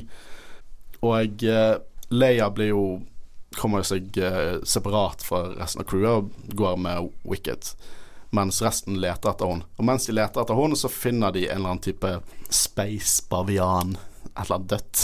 Jeg har alltid sett Ser ut som en bavian som ligger død, og Chewbacca er kjempesulten, tydeligvis. Hva er det de Hvorfor får han ikke mat? Fordi han er dritsulten på å spise dette skitne dyret som henger der. Så de er jo en felle, da. Og da kommer alle Ewokene fram og tar de til fange. Men jeg tror C-3PO er en gud. Jeg hater C-3PO her. Han er så hykler fordi at alle sier 'bruk dine divine powers', lur de, og så sier han 'ja, men det er ikke min programmering å late som jeg er en gud'. Du er en løgner. I New Hope så løy du til Stormtroopers. Er det din programmering å late som du er en Imperial droid? Er det? Han sier at han ikke er flink til å fortelle historier. Han er flink til å fortelle historier! C-3PO er en maktgal psykopat, og nå fikk han litt, smak av litt makt, så han nektet å redde de, og han ville at disse Ewokene skulle drepe og spise Nå våre. Ja, men det er liksom eh, De fremstår jo veldig søte og sjarmerende første gang du ser dem. Ja. Men er det egentlig det? Nei. For det er fullt av Stormtrooper-hemmel som ligger rundt, uh, og som de bruker, sant? Ja, det, Ja. det, Og så i det tillegg så prøver de å koke heltene våre. Ja. Og, og, og gi det til C-3PO og Så er de egentlig kannibaler? Eh, Jeg tror ikke kannibaler, men de spiser i hvert fall mennesker. Det kan godt hende de er kannibaler, altså. I hvert fall hvis du har spilt eh, den eh, survival-moden til Star Wars Battlefront 2 når du er en stormtrooper som er landet på månen, og så jakter Ewoks på deg. Ewoks er scary, ass. De er det. De ser koselige og søte ut, men de er gale. Um, men de klarer å overtale de til at dette ved at løfte med The Force eh, C-3PO opp. Uh, og det jeg også liker, at C-3PO sier sånn Kakangabash, kakangabash. Skal bruke magiene sine for, hvis ikke de lar de gå. Til og med, til og med som gud er C3PO så full av bullshit at ingen av de tror han. Uh, det synes jeg alltid er litt morsomt. Men dette burde være Wookies på Kashyyyk. Jeg synes det. Det burde være Wookies på Kashyyyk. Uh, det er ikke noe spo liksom, jo, det er spoiler, men dere har sett filmene. Disse små bamsene vinner over, uh, over Stormtroopers, og jeg kjøper det ikke. Ikke jeg heller. Eh, hvis det hadde vært Wookies, altså rasen til Chewbacca, og det var på Kashyyyk, så hadde jeg heller kjøpt det. Jeg driter i dette natur versus sivilisasjon-bullshitet som de går for her. Jeg kjøper ikke at liksom keiseren sier at uh, dette er liksom hans beste bataljon som venter på den månen. Er det? Er det det? Nei, altså, ikke kan de sikte Ikke kan de styre sk- eh, scooteren, eller hva er det greiene for noe? Ja, speederbikesene. Speederbikesene, takk skal du ha. Ja. De har Nei. rustninger på seg, og så Ja. får de steiner i hodet. Og så Faller de sammen? Nei, Ja, det gir ikke mening. Det, ja, det, det, det, det jeg, Dette her høres litt ut som. Nei, jeg føler ikke det er nitpicking. Det er det som gjør at jeg virkelig misliker denne delen av filmen. Jeg synes at R- Keiserriket er jo så vidt en trussel. De har to skumle karer, liksom. Det er Empire og Palpatine. Resten er bare idioter. Men i hvert fall eh, Nå er jo det det at, eh, at, at Evoxene hører historien til C-3PO, og etter det så finner de ut de skal hjelpe dem. For etter vi har hørt den kule historien til CG Pro, Vet du hva dette kalles, gutter? Propaganda! Propaganda til å få innfødte, intetanede eh, folk på en planet til å hjelpe dem med å drepe andre. Så de har ingen geiter i løpet når det gjelder hva som skjer med Empire vs. Rebels. De bare bruker propaganda for C-3PO, som er en stor løgner. Han er flink til å fortelle historier. Ja, De har kanskje ikke så mye i det løpet med liksom at eh, det er Altså Empire versus Rebels og sånn, men uh, Empire har jo faktisk kommet og invadert planeten deres. Det ser ikke ut som de har gjort så mye gale De har jo oppretta en shield generator. De er små, de trenger ikke så mye plass. Nei, men Jeg føler altså at du, du tenk- Det er benekter liten, liten sannheten. nå. måne, vet Det ligger rett foran deres. Propaganda, misbruking av urbefolkningen på en måned for å hjelpe Du skal være glad at ikke Darth Vader kommer og begynte å fortelle dem hva som skjedde. Jeg prøver bare å få sønnen min til å komme hjem og hjelpe meg. Og han har joinet en kult. ok, her er det noe som irriterer meg litt. da Fordi at eh, Nå kommer scenen der Luke forteller Leia at eh, de er bror og søster. Og folk mener dette er en plot hole, og det skjønner jeg ikke. Fordi at Luke sier 'Husker du moren din?' Og så sier Leia 'Jeg husker bare bilder og følelser'. Vet du hva det høres ut som? Det høres ut som hun er force sensitive. Nei, for at Padmay hun døde eh, mens hun fødte tvillingene, som er Luke og Leia. Jeg skal være jævlig glad for at de ikke er enige, by the way. Eh, og eh, så selvfølgelig hun har, hun har The Force i seg. Hun er en Skywalker, så selvfølgelig kan hun huske bilder og følelser av sin mor. Det, The Force fikser det er ikke plot hole, det fikser det alt. Det er sånn jeg har kjøpt det hver gang jeg har hørt det. Eh, og eh, det at Luke ikke husker dette her, eh, får meg også til å tro at Leia er mye kraftigere i The Force enn Luke er, og jeg synes hun burde blitt Jedi igjen. Men Luke får holde. Nå tar jo hun, han og forteller at det er fortsatt bra, godt i Vader, og at han må konfrontere han, og at alt er med at hun er søsteren. Hun har alltid visst det. Men hvis hun har alltid visst det, hvorfor smoocher du som faen med broren din de to tidligere filmene? da? Nettopp. Ja, men på det punktet Altså, jeg tror det var en impact der og da at hun tenkte det er noe til det. Ja, jeg er helt enig. Eh, Ja. Jeg er faktisk helt enig. All spøk til side, så jeg er helt enig med det du sier der. Det er sånn jeg har tolket den scenen, at det på en måte treffer deg og bare sånn har en følelse.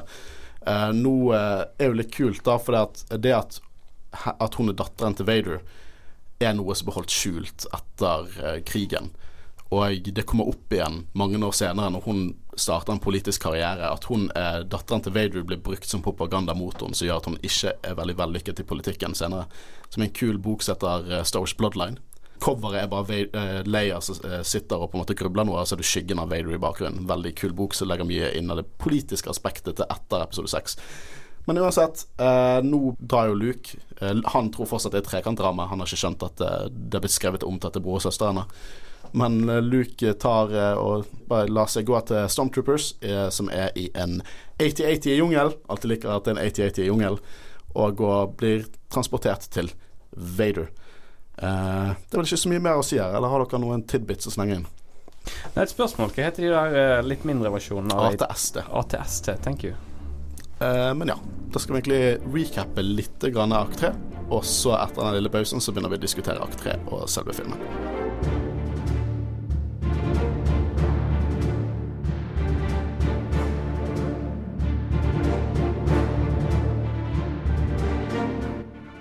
Darth Vader lander på Endor for å ta imot Luke, som har overgitt seg til keiserriket i et forsøk på å overtale Vader til å forlate den mørke siden av kraften.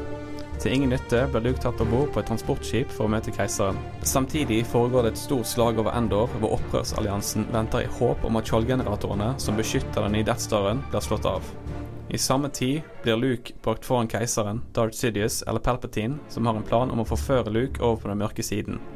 I en intens kamp mot sin far forsøker han fremdeles å finne det gode i han. Til ingen nytte kaster Luke fra seg lightsaberen sin når han i kampen kutter av armen til Vader og snur seg til keiseren og sier at han aldri vil gå over til den mørke siden. Keiseren prøver deretter å drepe Luke, men Vader stopper han i siste liten og kaster han ned i en trakt. Opprørsalliansen på sin side har nå fått ned skjoldgeneratorene som beskytter den nye Deathstaren. Luke forsøker nå å redde sin far om bord på en shuttle. Idet Luke prøver å få med seg sin far om bord, dør Vader etter å redeeme seg sjøl.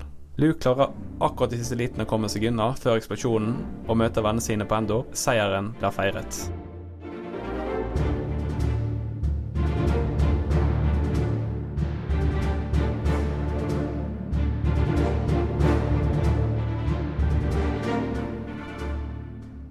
Nå skal vi Hvis ikke Chewbacca får spise, så får ikke du.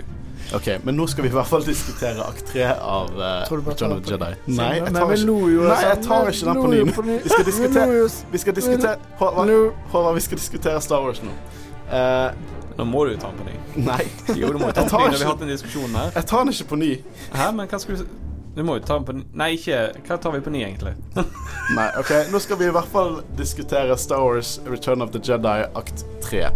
Eh, etter eh, vi forlot historien sist, eh, så tok jo Luke og ga seg opp til Empire for den som skal prøve å få Vader fram det gode i Vader. Og nå har de en, egentlig den første rolige dialogen med hverandre uten at de prøver å drepe hverandre. Eneste gangen de har en sånn dialog, egentlig, lurer jeg litt på hva som er motivasjonen til Vader. For det er at Luke begynner å si at han gjenkjenner han som en, uh, Anakin Skywalker, som var mannen en gang var, som er faren hans. Og Vader begynner å si sånn at det er for seint for Vader. Han må, han må adlyde sin mester. Og at hvis ikke eh, Luke vil turne, så kommer han til å dø. Men så tenker jeg det at Prøver fortsatt Vader å manipulere Luke, eller tror dere han er faktisk på randen til å gi opp og bli good guy her? Men er det i forhold til at han ikke kan uh, gjøre noe? Det har vel noe å gjøre med Nei, det for du tenk, tenk, Gjennom denne filmen så har han også gitt feilinformasjon til Palpatine. I Empire har han prøvd å få Luke over på sin side, sånn at de kan bekjempe keiseren. Men har han For nå, nå når dette kommer fram, så tyder det at han er i konflikt. Han har til og med en lang pause der han lener seg over rekkverket etter Luke går.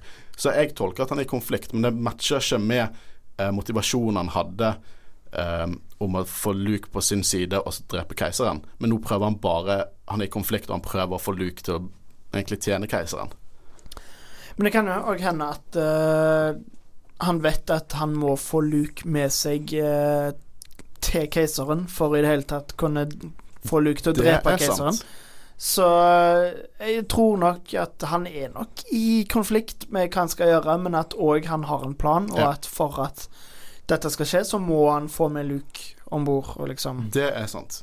Videre nå så får vi se oppbyggingen til det store stjerneslaget. Vi får se eh, opprørerflåten, eh, og noe som kommer til å vise seg å være, i hvert fall etter min mening, det kuleste stjerneslagsmålet i alt som heter Star Wars. Mm. Eh, vi får se mange store fregatter, enda større flåter enn vi har sett noensinne. Og Millennium Falcon er fulgt av eh, A-wings og B-wings og, og Y-wings og eh, X-wings. Selvfølgelig må jeg huske det. Alle wingsene bare følger etter Millennium Falcon mens de på en måte svaier mellom alle skipene. Jeg driver og vifter med hendene mine nå. Eh, og dette ser så sykt mye bedre ut enn det meste jeg har sett av CGI. Og det er praktiske effekter. Og det er så mange skip. Og noe som er kult, eller ikke kult, det er bare veldig morsomt, er at bakgrunnsskipene der er bare, ser helt jævlig ut. Og de er blurry, men de er laget sånn fordi at de følte at de måtte ha mer skip der. Men Star Wars-fans er jo litt sånn de, de kan ikke bare akseptere at det er kjipt, ikke ser godt. Så de, de, har, funnet, de har funnet designet til de, og så har de animert det inn i 3D-modeller. Og utvikler en sånn derre Det var ikke meningen at dere skulle se de skipene. De ser helt jævlig ut. Men Star Wars-fans vil ha alt som er Star Wars, selvfølgelig. Jeg syns det er litt gøy. Uh, nå får vi se sånn at uh, Lando driver og samler opp alle troppene sine, snakker med admiral Akbar, som sitter på eh, sitt hovedskip da for flåten. Og det som er morsomt her, for du ser admiral Akbar sitter i den svingestolen sin, og det er fullt av Mon Cali aliens rundt ham. Men han alien som er bak Admiral Akbar vet ikke hvor han skal se. For det er sånn, Han leter etter en skjerm helt klar, og så holder han fingeren ut og prøver å peke på skjermen, og han klarer ikke å finne ut hvor den er. Så igjen eh, stat, eh, Statistene er ikke de beste alltid. Og det morsomste er at hver gang vi ser på klipper bort til Admiral Akbar, så holder han fortsatt på Men det og leter etter skjermen. det er ikke han med den lange maska, sant? Nei, det, det, det er en Moncala. Ja, ja, ja.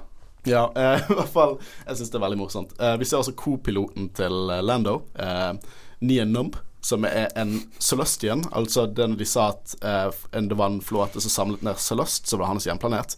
Han er helt fantastisk, og han er med i Force Awakens og Last Jedi. Og faktisk, jeg tror han kommer til å være med i siste også. Litt sånn litt stereotypier igjen. Men jeg syns det er veldig gøy. I hvert fall når han ler. Men eh, nå skjer egentlig min største problem med dette filmen.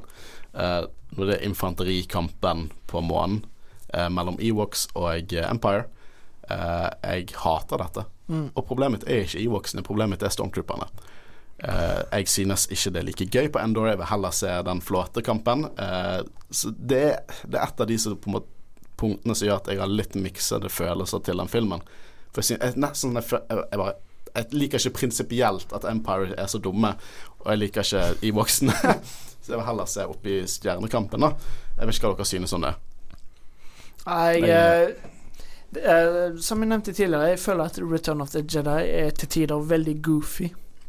Det er Og, litt eh, prequel-esk til tider. Det er På en måte så Jeg føler at det er Star Wars, men det er jo fordi det, det er jo Star Wars. Det er jo sånn det alltid har vært, men det er ikke det jeg liker mest uh, fra de gamle filmene. Eh, og det er liksom Jeg hater det ikke, men eh, det kunne godt ha vært Wookier, som du foreslo. Ja, og Kashik. Det hadde vært ganske tøffere, egentlig. Det var det som originalt var planen.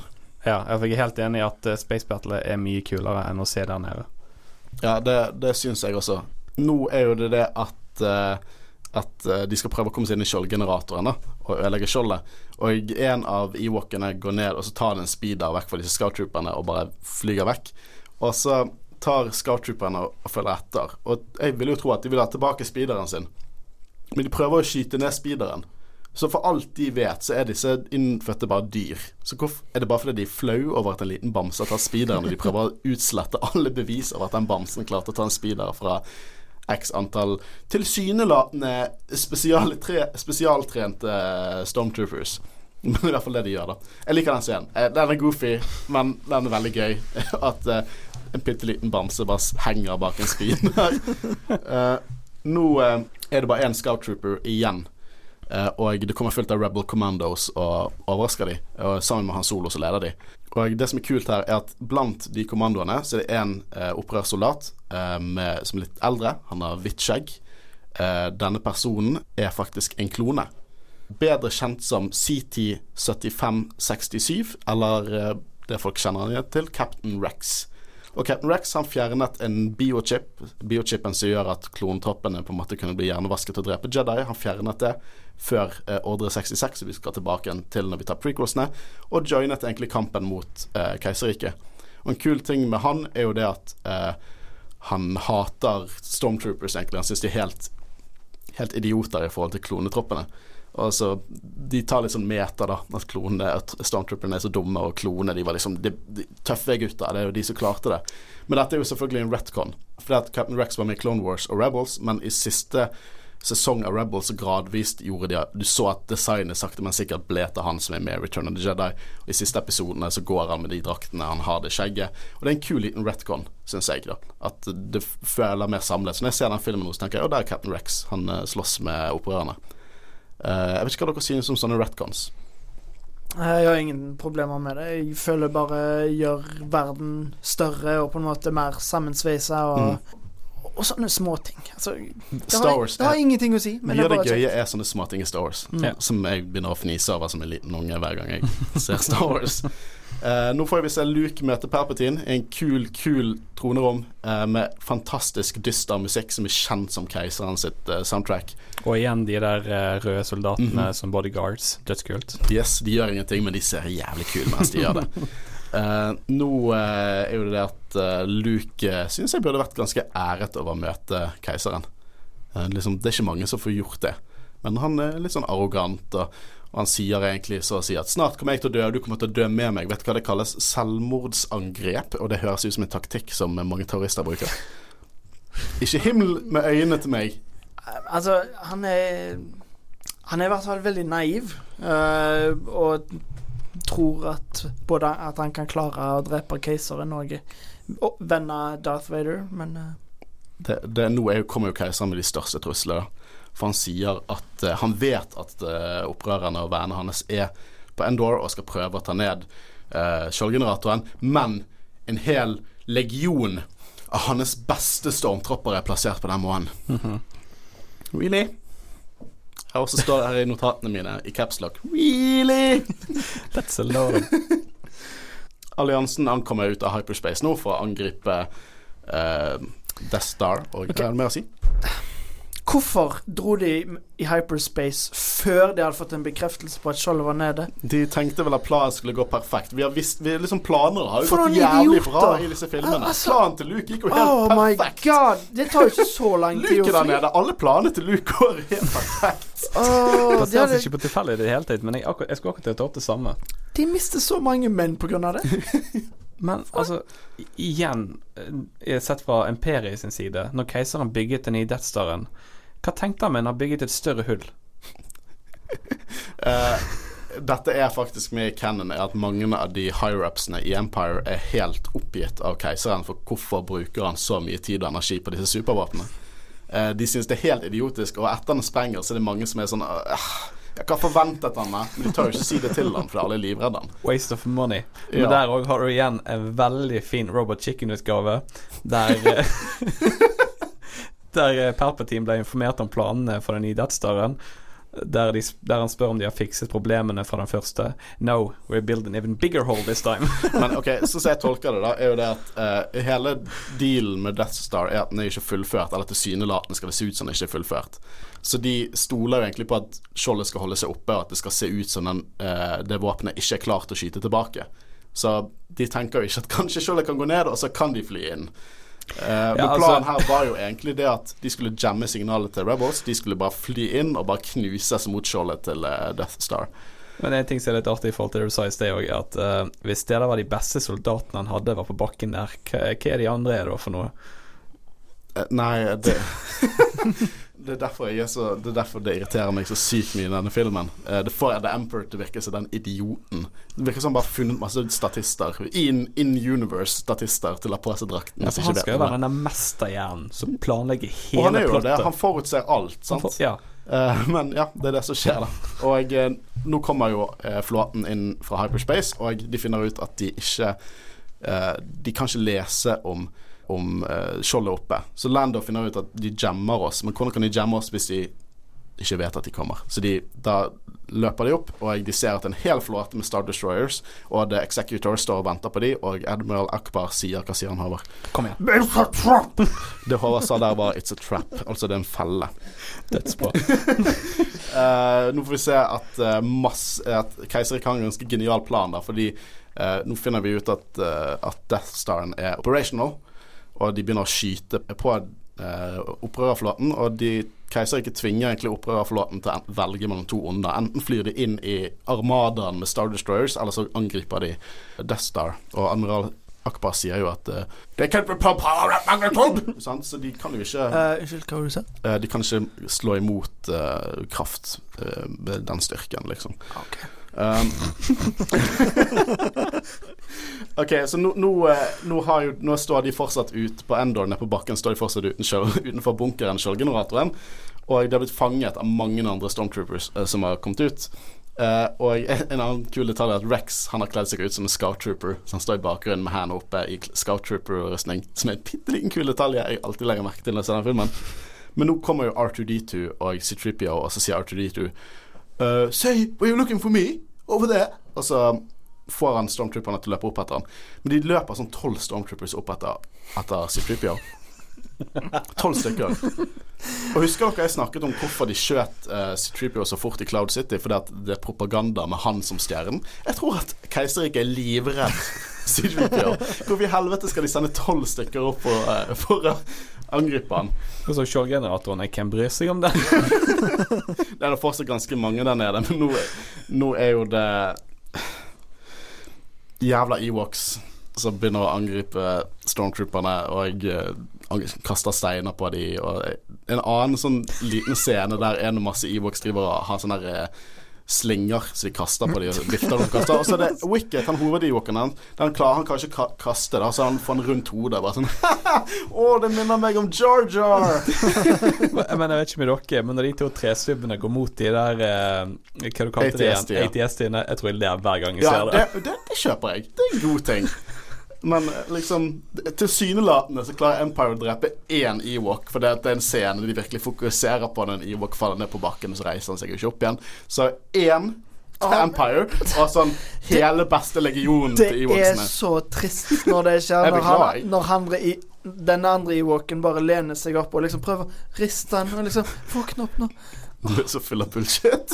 Det er sånn, det er sånn rørt inni deg. Jeg vil bare ha mer Space bat Battles, for det, det kutter jo til Space Battle, og det er for dritkult. eh, og det ser så bra ut. Bedre enn mest av CGI jeg har sett igjen. Uh, men ja, eh, Stormtrooperne blir jo, får jo ræven levert til de. Det er virkelig det beste Empire har å by på. Tydeligvis! God damn it, Stormtroopers, står det i notatene mine. Eh, hvor er Urban Ketchner? Jeg vil ha Empire-tonen tilbake her. Ja. Ja. Det er jo litt sånn artig, for at uh, egentlig så var jo førsteplassen på regissørlisten til George Lucas Steven Spielberg her. Ja, det, det hadde jeg likt å sett. Mm, jeg òg. Mm. Men det som er veldig mer sært, er jo på grunn av at Steven Spielberg kunne jo ikke ta uh, regissørjobben, men David Lynch var nummer to. Det kunne vært spesielt. Jeg vet ikke, Litt som hvis Tarantino skulle lage en Star Wars-film. Jeg vet ikke helt om jeg har lyst til å se Han skal jo lage en Star Trek-film. Ja, skal det, faktisk. Ja, men hold, hold, Jeg liker Men Tarantino, men hold han unna Star Wars. Ja, men David Lynch er veldig mer særpreget enn Ja, Ja, han er det. Veldig unik der. Ja. Um, og nå prøver jo uh, Palpatine Eller hva er fornavnet til Palpatine? Vet dere det? Geir. Papp? Jeg, jeg har skrevet Palpi i notatene mine. Nei, men han heter Sheev Palpatine. Skiv? Mhm. jeg, tror, jeg visste ikke at han hadde et fornavn engang, så det, Nei, det, det har han aldri sagt i filmene, men han heter, eh, han heter uh, Sheev Palpatine. Men han prøver i hvert fall å, å få Luke over til sin side. Da hele tiden sier sånn der uh, Use your aggressive feelings, boy. Og alt dette her. Uh, og vi merker at Luke blir plaget av dette her. Det er litt dark side i Luke. Han er ikke så peak Jedi Knight så han kan ikke like å tro sjøl. Nå eh, er jo det Dette hoppet litt fram og tilbake, og siste gang vi hopper tilbake til at Luke står der med Vader og Palpatine, så har jo Han står der uten, uh, uten noe restrictions. Han er ikke fanget, på en måte. Palpatine har fjernet uh, håndjernene, fått vaktene til å gå, uh, så de kan gjøre ingenting, ingenting noen andre steder. og nå til slutt så sier jo keiseren at Death Staren er operational, at alt dette kommer til å feile, og at han skal ta våpen og, og bruke sine mørke følelser til å drepe keiseren. Og til slutt gjør jo faktisk Luke det. Luke faktisk blir eh, til rett til å faktisk gå foran. Og det er her jeg ikke skjønner det. For at Vader Det er nesten her du kan snakke om at kanskje Vader faktisk har gått over på the light side, men jeg tror ikke det ennå, for det gir ikke mening til hva som skjer senere. Men Vader stopper han. Så én, Vader stopper Luke fra å bli dark side med å drepe noen i anger. Da det perfekt! Han hadde drept keiseren. Han har fått eh, sin sønn til å bli dark side. Og så hadde de to bare kunnet hatt liksom en happy eh, father Sunday bare everyday i Empire. Det hadde gjort alle problemene Vader har der, hadde funket. Men altså, tror du Luke faktisk hadde klart det, selv om eh, Darth Vader ikke hadde stoppa han? Det er en annen sak. Men bare det Vader gjør, går litt imot hva jeg følte Empire Vader sine motivasjoner gjorde. Jeg skjønner ikke helt hva han prøver på der. Mm gjennom alt i Cannon så er det det at han vil ta over sjøl, en ting. Og dette hadde fikset alle problemene hans. Hvis ikke han tenkte at hvis han stopper han nå, så kan han, over, kan han på en måte redeeme seg senere. Men han prøver fortsatt å få han over til dark side etter dette her. Så det Vader gjør der, skjønner jeg ikke. Jeg kan ikke forklare det, og det irriterer meg litt i filmen, for motivasjonen hans gir ikke mening til hvordan Vader har vært før. En ting Eh, var med i tidlig uh, versjon av manuset til Return of the Jedi, var jo egentlig at Obi-Wan og Yoda skulle fysisk være der og hjelpe uh, Luke i Ghost Force-form. De tok, skulle ta en Harry Potter, altså? De skulle ta en Harry Potter. der jeg har faktisk skrevet ned sitater fra hva de skulle sagt. Og da har du Obi-Wan som begynner I'm here to help you destroy the Emperor and your father. Luke, I can't. Yoda, you can and you will. I in the netherworld and Obi-Wan at your side. Help you, you will, we will. Help you, we will. Jeg er glad det ikke er det som skjedde. Dette var Luke sin konflikt, liksom. Veldig harry og ja, litt sånn klisjé. Ja, jeg er glad det ikke skjedde.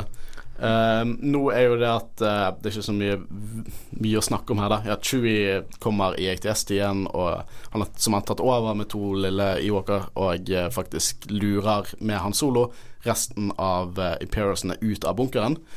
Det er også litt morsomt her, for her sier eh, Han Solo eh, og Leia og alle blir jo på en måte omringet, og så har Leia en pistol, og så sier Han Solo 'I love you', og så sier Leia 'I know'. Jeg liker at de vendet om på det.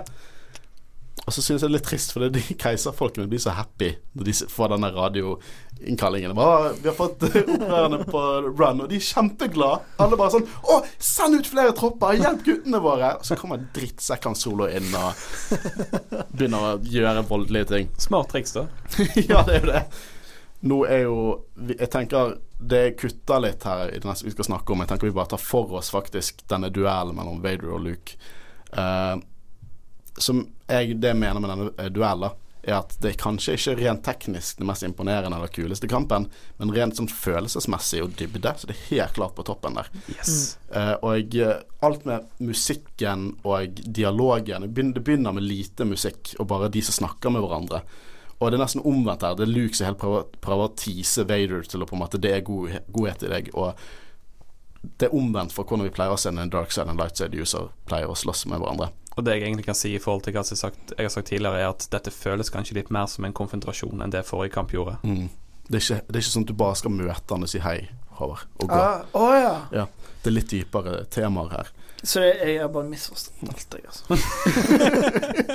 Men det som er kult, er at, eh, at Vader kaster lightsaberen sin på Luke etter han sier 'there is no conflict', og så kaster han lightsaberen sin på han, eh, og Luke da gjemmer seg, og han ligger der, halve fjeset dekket av lys, halve mørke, og Vader senser og det er en søster. Hvis ikke du eh, blir eh, turned, så kanskje hun vil det.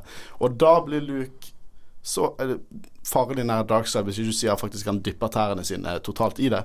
For da roper han 'never' og begynner å Ikke Det ser ikke engang imponerende ut. Han bare Han svinger lightsaveren sin i ren, rent sinne mot Vader, helt til han klarer å kutte av han armen. Ja, det er en helt annen kampstil, liksom. Uh, det er litt sånn nesten on the nose uh, hvor uh, aggressiv han er og alt mulig sånn, Mhm. men det, det funker kjempebra òg. Mm. Og et av de Vi kommer jo tilbake til det. Det kommer til å bli en heftig diskusjon når vi snakker om The Last Jedi. Men det var jo veldig mange som ikke likte det med at Luke eh, ville prøve å drepe Kylo. Men eh, altså, du ser jo hvor aggressiv og hvor sint han er i Return of the Hvis det er én ting som har fått oss til å innse litt mer hvordan Luke er, så er det i hvert fall det at han er ikke en perfekt eh, karakter eller person. Han feiler mye. Eh, han kan være litt Han føler at han kan takle alle problemer sjøl. Og jeg, eh, jeg tror det er også mye motivasjon til hva som skjer Last Jedi, men vi skal ta det Men med. det det. ser du i forhold til hva han gjør. Altså Han innser jo at dette her er jo å gå for langt. Ja. Så han tar det jo inn på seg. Sant? Så han, Og det er der jeg føler han er peaket som Jedi. ja. Han, han ser på hånden sin, helt klart tenker over at han har eh, kuttet av hånden sin, akkurat som faren sin. Mm, og eh, noe jeg eh, tenk, Sorry for at jeg avbrøt deg. Eh, men eh, noe jeg tenkte på når jeg så det nå, var at eh, måten de fokuserte på, var liksom ikke bare det at eh, eh, Det var ikke bare det at de fokuserte på at han hadde hogga av armen, men du så liksom masse ledninger og sånn òg. og da tenkte jeg på det eh, som ble sagt tidligere i filmen, om at han er en more man than a machine. Og så så han liksom ned på sin egen robothånd. Det var ikke Så jeg, jeg tenkte liksom at kanskje han Ja, absolutt. At han begynte å se liksom, Ja, liksom, med seg fuck deg. Obi-Wan. Liksom, rasister mot folk som har robotarmer og sånn. Obi-Wan er bare en drittsekk. Men Ah, det var ikke det jeg tenkte. det var akkurat det du sa. Du, takk for at du er på min side i forhold til at uh, Empire the good guys nå. Eh, Men nå får vi se en ny force power brukt, fordi at han sier Han legger kaster fra seg lightsaberen, han sier nei. Han kommer aldri til å turne til the dark side. Han er en jedi, som faren hans er. Og så sier, eh, sier Palpatine 'so be it, Jedi', og begynner å bare slippe ut lyn fra armene sine. Bare rent, nærmest fysisk sinne på eh, Luke. Og vet du hva jeg setter pris på med Star Wars-filmer? Nye Force Powers. Jeg er så glad for at vi får se nye, nye Force Powers. Så jeg blir ikke sint hvis en film som heter Last Jedi introduserer en ny Force Power. Vet du hva, Eh, for jeg er så glad for at jeg ikke har sett alt Force har å tilby på. Vet du hva, Der har ikke jeg noe vondt å si. For at introduksjonen av nye Force Powers, det er jeg med på. Det er bra. Ja, det er, bra. faktisk noe jeg liker. Jeg litt vi, har ikke, altså, vi har ganske basic ting, men det må jo være mer der. Sant? Så jeg liker når de utvikler det. Ja, det, du, det ene du hater med Last Jedi må være helt ekstremt. For uh, fram til nå så har ikke jeg hørt deg klage så mye annet enn på bensin. Nei, eh, nå eh, tok du meg faktisk inn på noe positivt. Ja, det er bra. det er bra For Kanskje redigere det sånn at du høres ut som du liker det bedre etter hvert. Men uansett. Uh, uh, nå er jo det at, eh, at eh, denne scenen synes jeg blir helt ødelagt i Special Edition. For eh, Vader står ved siden av Palpatine og ser på at han så å si drep, holder på å drepe Luke, og så helt han finner ut at han skal blande seg og drepe Palpatine. Og før så var det at du så Vader sin maske, som var svidd og skadet, og du så gjenskinnet av lynet i han. Og mens Luke roper 'vær så snill, hjelp meg', og så bare løfter han opp Palpatine og kaster han ned i en sjakt. Men i Special Edition så sier han 'no'. No! Og det ødelegger hele scenen for meg. Det er så lite diskré.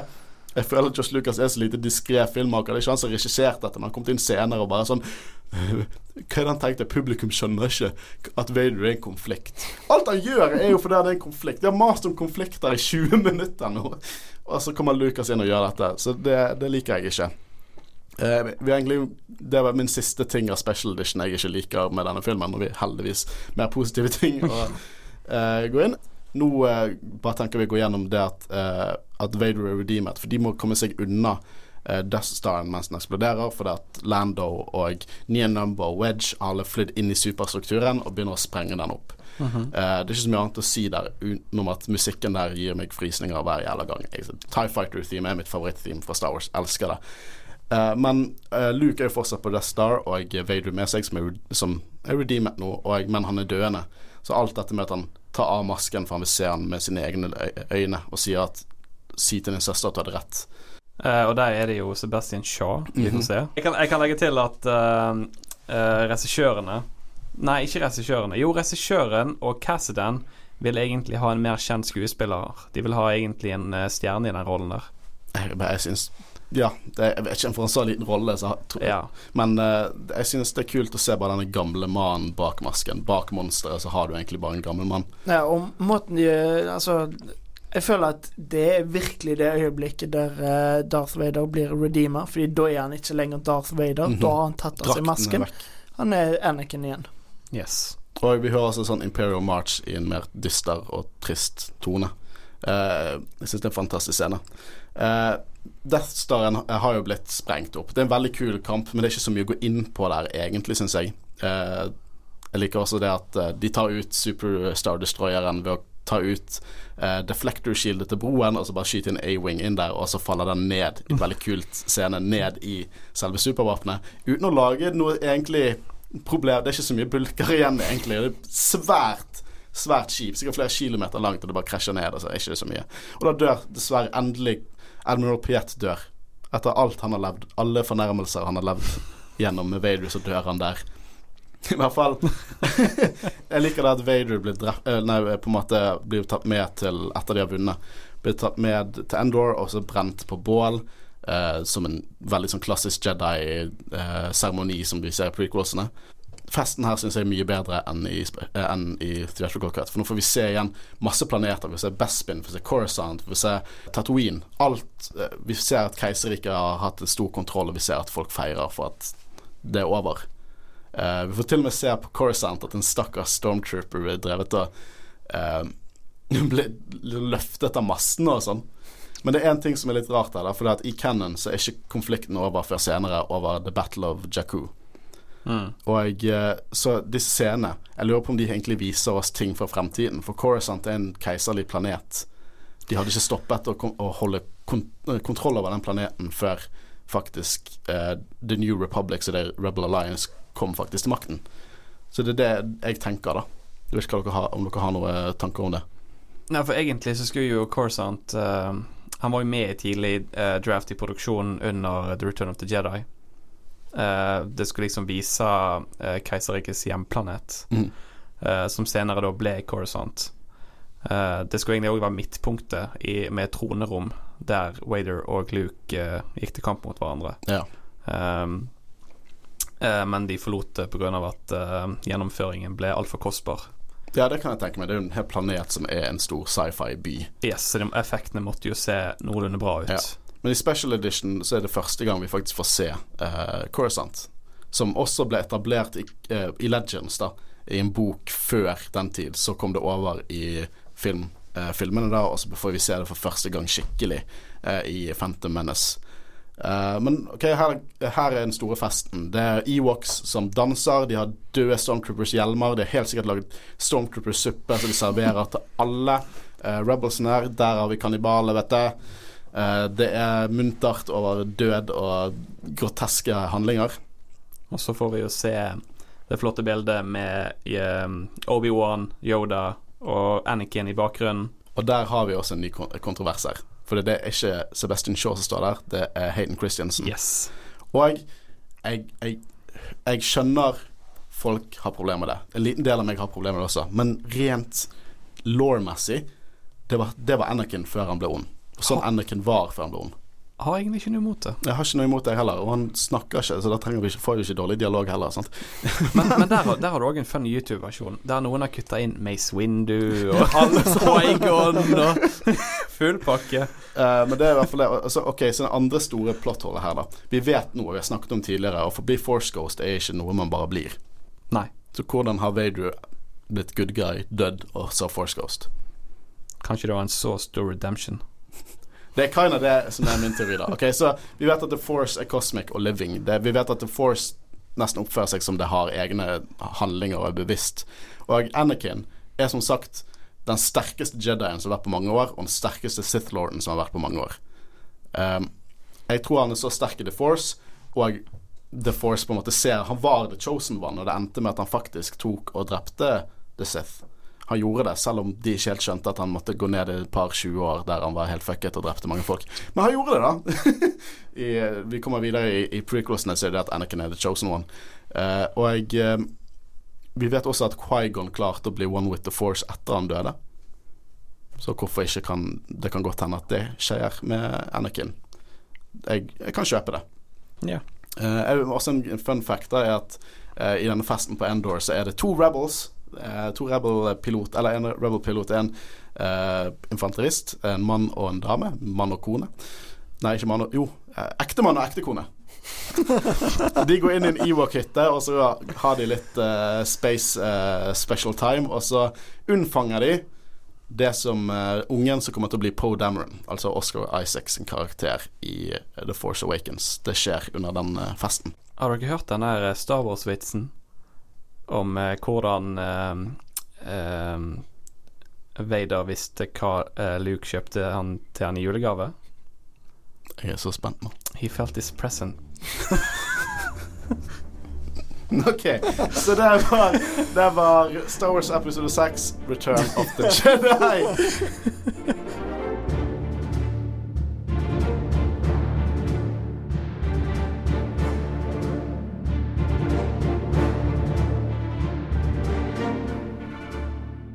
Eh, ok, Hva synes dere om denne filmen? Hva betyr denne filmen for dere?